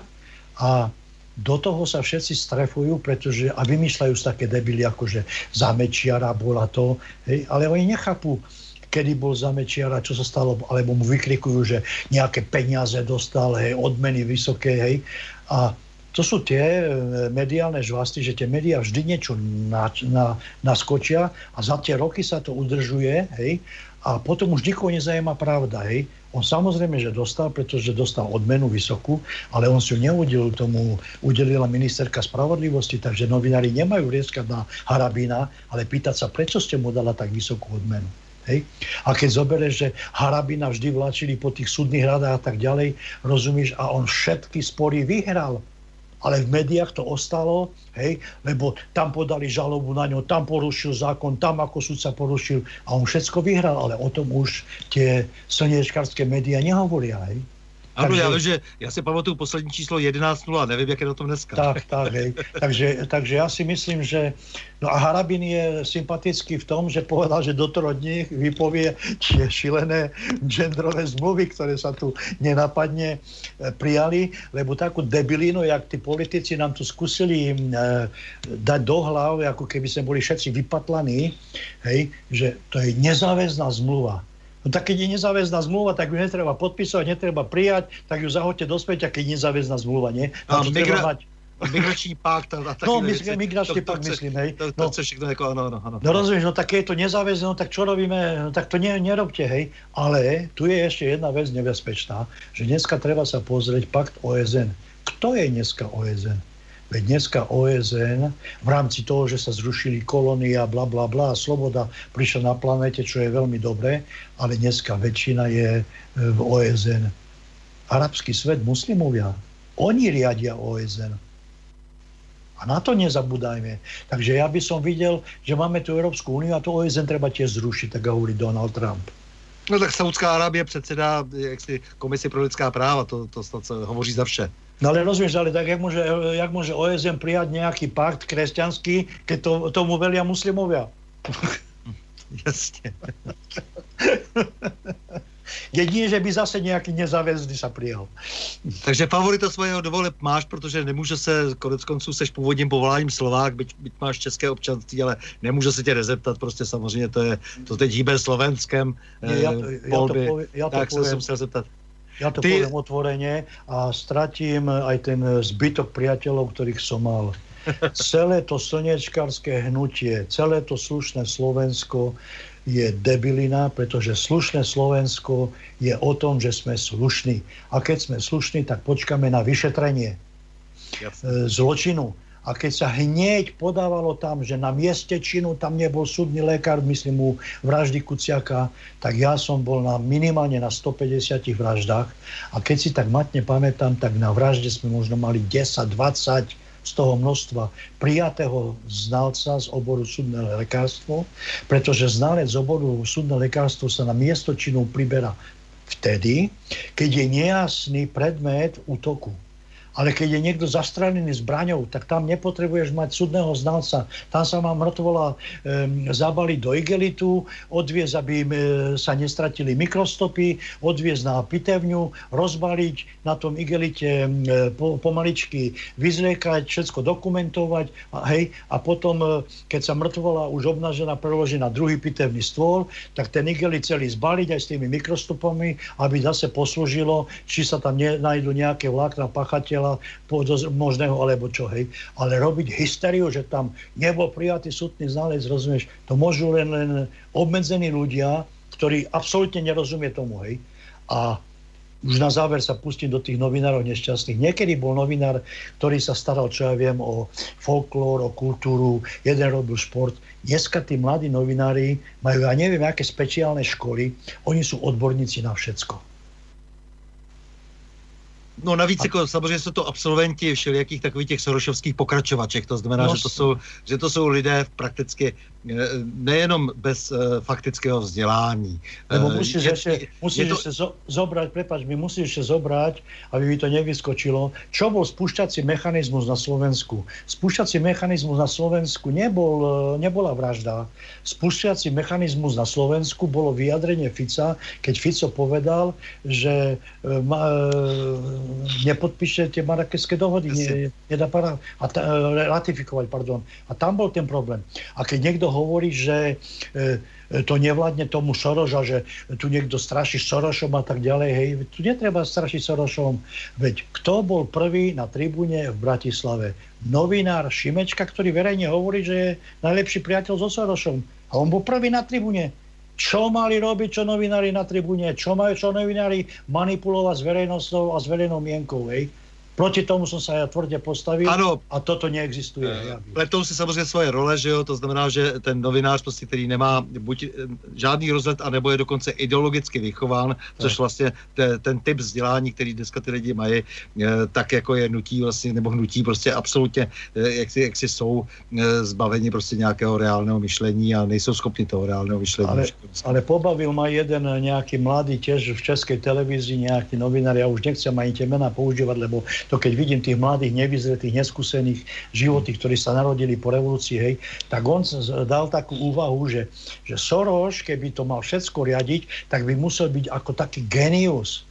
O, tak som väčšiu debilinu nepoznal. Samozrejme, že nerie, neriadi všetko Soros, pretože za tie 40 rokov Soros už vytvoril tzv. SOR internú, Sorošovú medzinárodnú internacionálu, vychoval na vysokých školách svojich následovníkov a oni dneska už autonómne sami vedia, čo majú robiť. Dostávajú peniaze, dostávajú dotácie, hej, oni sú tzv. nezávislí, oni vedia, čo majú robiť. A pochodují, pochodují institucemi, pochodují Hej. prostě institucemi Hej. dál a dál. Čiže nás najvyšší poviem, partner. ani nie Stalin, ani nie Lenin riadili revolúciu na celom svete, už mali svojich následovníkov, ako napríklad tu bol Gottwald, Husak a tak ďalej. Hej.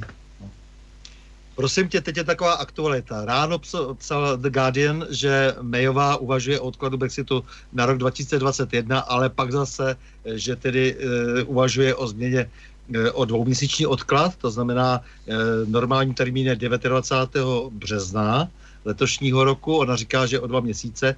E, víš, co je na tom zajímavé? Pokud by to tak bylo, tak by se možná e, ještě e, mohlo podařit, že by Britové volili možná by zvolili nějaké zajímavé lidi do Evropského parlamentu v evropských volbách.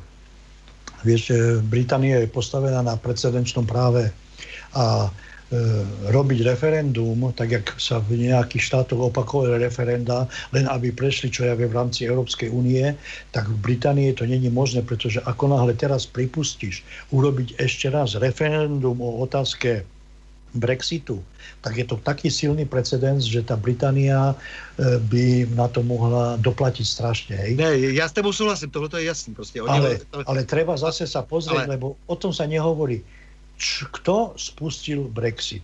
Veď Brexit spustila migračná vlna, Cameron jasne, nielen migračná vlna, ale aj to dirigovanie z Európskej únii a Cameron vtedy jasne predstavil, mám dojem, že to bolo 16 alebo 26 bodov, on jasne predstavil, v čom sa má únia zmeniť, aby sa vrátila do pôvodného stavu, lebo ináč my vystúpime z nej. A teraz si zober, že my tu už máme Brexit, už sú tu dohody, už sa jedná, ale ešte v Európskom parlamente sa nezačalo jednať ani o jednom jedinom bode, ktoré predstavil tam hej, Cameron. To znamená, treba sa pozrieť, prečo, a oddať si otázku, prečo Nemci a Francúzi vyštvali Britániu z únie. Tak treba postaviť otázku. Pretože im to nesedí do mytel Európy. Im to no. nesedí no, do toho nového pánstva evropského. Normální termín je 29. března. Takže budeme chvilku ještě čekat, co se stane. Eh, je tady nějaká snaha, eh, já to říkám jenom proto, protože se blíží ty evropské volby a eh, je tady jedna ze spekulací, když jsme, jak, jak říkáš, v těch konspiračních médiích, je tady jedna ze spekulací, že se ještě usiluje o to, aby se nějací Britové posadili do Evropského parlamentu. To je docela, docela zajímavá úvaha. Taková, May, May, May je, May, zdá, May, zdá, zdánlivě technicistní povahy, ale je zajímavá. Nie, Teresa May je nešťastie pre Britániu, pretože je to konzervatívna strana. Ale to už není konzervatívna strana, lebo konzervatívna strana nikdy nemôže prijať zákon o sobáši e, párov. Hej, čiže už oni nie sú li- konzervatívni, oni sú už liberáli. A keby tam bola Margaret Thatcher, ona už by tak bucha s tými dverami, rozumieš, že by v Bruseli aj e, tá nová mešita spadla. No tak samozřejmě zrovna tak CDU není konzervativní strana v Německu. A, to už a, nie, to konec, to už no, jsou no, liberáli, to konec. Samozřejmě republikáni ve Francii a tak dále, to tak. jsou všechno veliké problémy, takže eh, Dobře, eh, pokročíme ještě chvilku dál, teda to znamená, máme Británii, žluté vesty. Eh, Macron prý opět, a já to tedy si nedovedu eh, jak si nějak eh, zdůvodit logicky, mám pocit, že to, že to musí být hodně nafouknuté, prý opět získal úroveň podpory, jaká byla před protesty, před těmi žlutými vestami. Prý 55% lidí dokonce chce už tyto protesty ukončit. Samozřejmě jakýsi institut Odoxa to píše, takže je otázka, eh, jak je to cinkle a cinkle teď, teď zdá se eh, kde co a všude se vlastně jako platí nějaká procenta a ta procenta vždycky něco stojí. Takže eh, jak, jak hodnotíš tu Francii teď? tu je ten problém, že my keď sme boli za železnou oponou, tak sme nemali informácie o západnej Európe. A keď sme konečne zburali tú železnú oponu a boli sme šťastní, že ideme do západnej Európy, tak som nevedel, že ideme zo z východného socializmu do západného socializmu. Hej. A zober si, od vojny vo Francúzsku, v Taliansku vždy boli komunisti vo vláde. Zober si Francúzi, pracovná doba a tak ďalej. Rozmaznaní ľudia. Zober si v Grécku. Dostávať príplatky za to, že chodíš na čas do práce. To sú rozmaznaní ľudia. My sme toto nemali tu na to rozmaznanosť, hej, tú ľavicovosť. A oni teraz protestujú, lebo chcú mať väčšie výdobytky. To je pravda. No, len, vieš, neviem, či im to pomôže, lebo hej, ono trebalo by začať aj, aj pracovať. Hej. A teraz e, si tam nabrali tých migrantov, rozumieš, hej, až to zastavil Salvini, hej, pretože oni sú chudáci takí zblbli aj s tými Nemcami, ale Nemci to majú tej denacifikácie, že ich natoľko e, lámali, že ich až zlomili tých Nemcov. Hej. Proste ja nemôžem premiešať národ. Hej, a kto tam robí tie nepokoje? Veď hej, treba sa pozrieť, hej, zamaskovaní ľudia. To nie sú tí Francúzi, ktorí vo vestách sú bez masky a, a chcú svoje práva. No proste ho nechcú toho Macrona, lebo ich podviedol. Hej. Takže nevěříš eh, průzkumu veřejného mění, takzvanému průzkumu veřejného Ale průzkum, no, který, taky... se, který si zveřejnil v podstatě Macron. Ale keď e, zoberieš napríklad na Slovensku, si kandidátka na prezidenta e, pani Čaputová dala urobiť e, prieskum a dala tam e, štyroch e, ľudí mimo, mimo tých ostatných, no tak samozrejme, že e, ten prieskum vyšiel pozitívne pre ňu, pretože ona si ho zaplatila, alebo jej volebný tým, no tak, tak sa robia prieskumy. No. Ja na verejné preskumy neverím, lebo si zober vždy, pozri, u nás to bolo jasné, Zema nemôže vyhrať. Také boli preskumy, tlaky, Prásk Zeman vyhral. Babiš nemôže vyhrať, Prásk Babiš vyhral. Hej. Ale čo je tragédia, že tu ani politici nepočúvajú to, čo sa hovorí. Zober si pred poslednými parlamentnými voľbami, keď boli tam všetci e, predsedovia strán, aj Babiš, moderoval to ten nešťastník Českej televízie, tie mena nesmiem vyslovovať, to mám zakázané, tak e, komunista Filip povedal, že e, oni do vlády s Babišom nepôjdu, lebo Babiš je pravičiar a oni s pravičiarom nepôjdu. A to ods nepočula, to ostatné strany nepočuli, že Babiš je pravičiar. Ale po voľbách, keď Babiš vyhral voľby, to ten Filip zase povedal a tá ods to nepočula, že on je pravičiar. Tak mali urobiť s Babišom vládu. Hej? E, doufáš, doufáš ještě, že ty e, standardní strany, ty klasické strany, dnes už vlastně tradiční strany, ty, co vznikly po listopadu 89, že se ještě mohou e, obrodit e, některé, že nějaké proudy, že v nich můžou zvítězit, které budou e, logicky reagovat na současnou situaci, nebo si myslíš, že je třeba, aby vznikly nové politické strany, nová hnutí, aby sa situácia... Musia, musia podľa mňa vzniknúť nová, lebo zober si, uh, mať jeden program antibabiš uh, sa nedá vyhrať. Keby, príklad poviem, ODSK nemala už proste tých svojich ľudí, ktorých tam má, hej, to je to, že už sú tie, tie tváre už sú tak preflaknuté, že oni sa na, na vonok v televízii pred kamerami napadajú, útočia a oni v pozadí sú veľkí kamoši, lebo mám tieto informácie, hej, takže e, nehrozí ale ja som tu nepočul od pravicovej žiadnej strane, aby sme sa postavili na stranu viery, aby sme sa postavili na stranu rodiny, aby sme sa postavili na stranu detí a postavili tento program okopírovať e, Kačinského z Polska. No často e, nevidíme tuto snahu ani u představitelů církve. No, však, no, Samot, samotná no ale církev... keď sú tam takí ľavicoví halikovia, tak sa nečuduj. No samozřejmě, tak to je, to je prostě tragédie církve, že e, nechá ty lidi za sebe vlastně mluvit. Lebo rozumieš, útočiť, útočiť na kardinála Dudu, tie tzv. kresťanky, lebo zase v živote kresťanky neboli, útočiť na Dudu a smiať sa, že, že žehnal Oktávie, ktorú dostal. No a koho má žehnať? Veď je to český výrobok, veď to české ruky urobili, veď on, on žehnal českým rukám. To treba sa smiať? Takže vážený, vážený Rudolfe, já ti moc děkuju. Děkuji ti hlavně za tu tvoji velmi potřebnou osvětovou práci, protože ty vlastně se, seznamuješ ty lidi s tím naším středoevropským prostorem eh, s velikým důrazem prostě na, na Polsko. Je to dobře, protože já cítím, že právě to Polsko eh, nám vlastně v té mozaice dost chybí. Eh, speciálně Češi nebyli nikdy schopni příliš komunikovat se severem, protože my jsme hodně byli orientováni historicky na německý svět a dokonce mnohem více třeba na ten italský svět, než třeba francouzský. Jo, to je až prostě záležitost, jak si stará po první světové světové válce, takže nějaký, dejme tomu ešte, let. Ešte, Stanislav, ešte by som chcel tak stručne, lebo tu sa u nás médiá nehovorí, prečo tí ľudia chcú tú vládu, ten PIS. E, v sobotu bola programová konferencia, kde doplnili svoj program a vyberem len z toho celého programu. Program 500 e, plus. Na každé dieťa bolo druhé a vyššie, každý mesiac 500 e, zlotých, 6 x 5 je 3000 korun, hej. Teraz dali od prvého dieťaťa. Znížili vek dôchodkový e, zo 67 na, u chlapov na 65 a u žien na 62. Majú tam lieky dochodcovia od 75 rokov hore zadarmo. V Česku máme od 85. To treba dožiť. Teraz urobili projekt Mama 4+, každá matka ktorá má 4 a viac detí, hej, má zaistený dôchodok, lebo za to, že sa starala o 4 deti. Teraz v sobotu vyhlásili, do 26 rokov budú oslobodení od platenia daní mladí ľudia.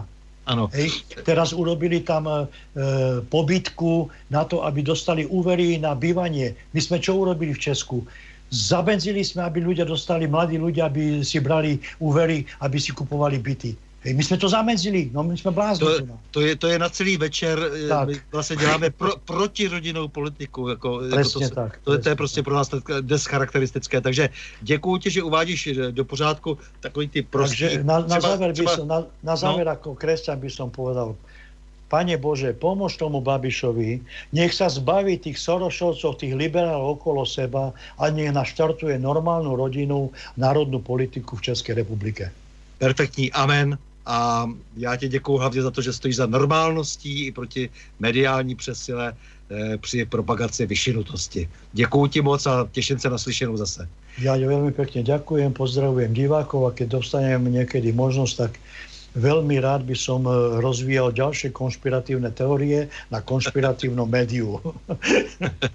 Ďakujem Díky. pekne a dobrú noc. Hm, s vámi, milí posluchači, se také loučím a to s přáním. Mějme se rádi, buďme svobodní, zpříjmení, nevěšme hlavu, stojíme při svých bližních i národech. Nepřátel se nelekejme a na množství nehleďme.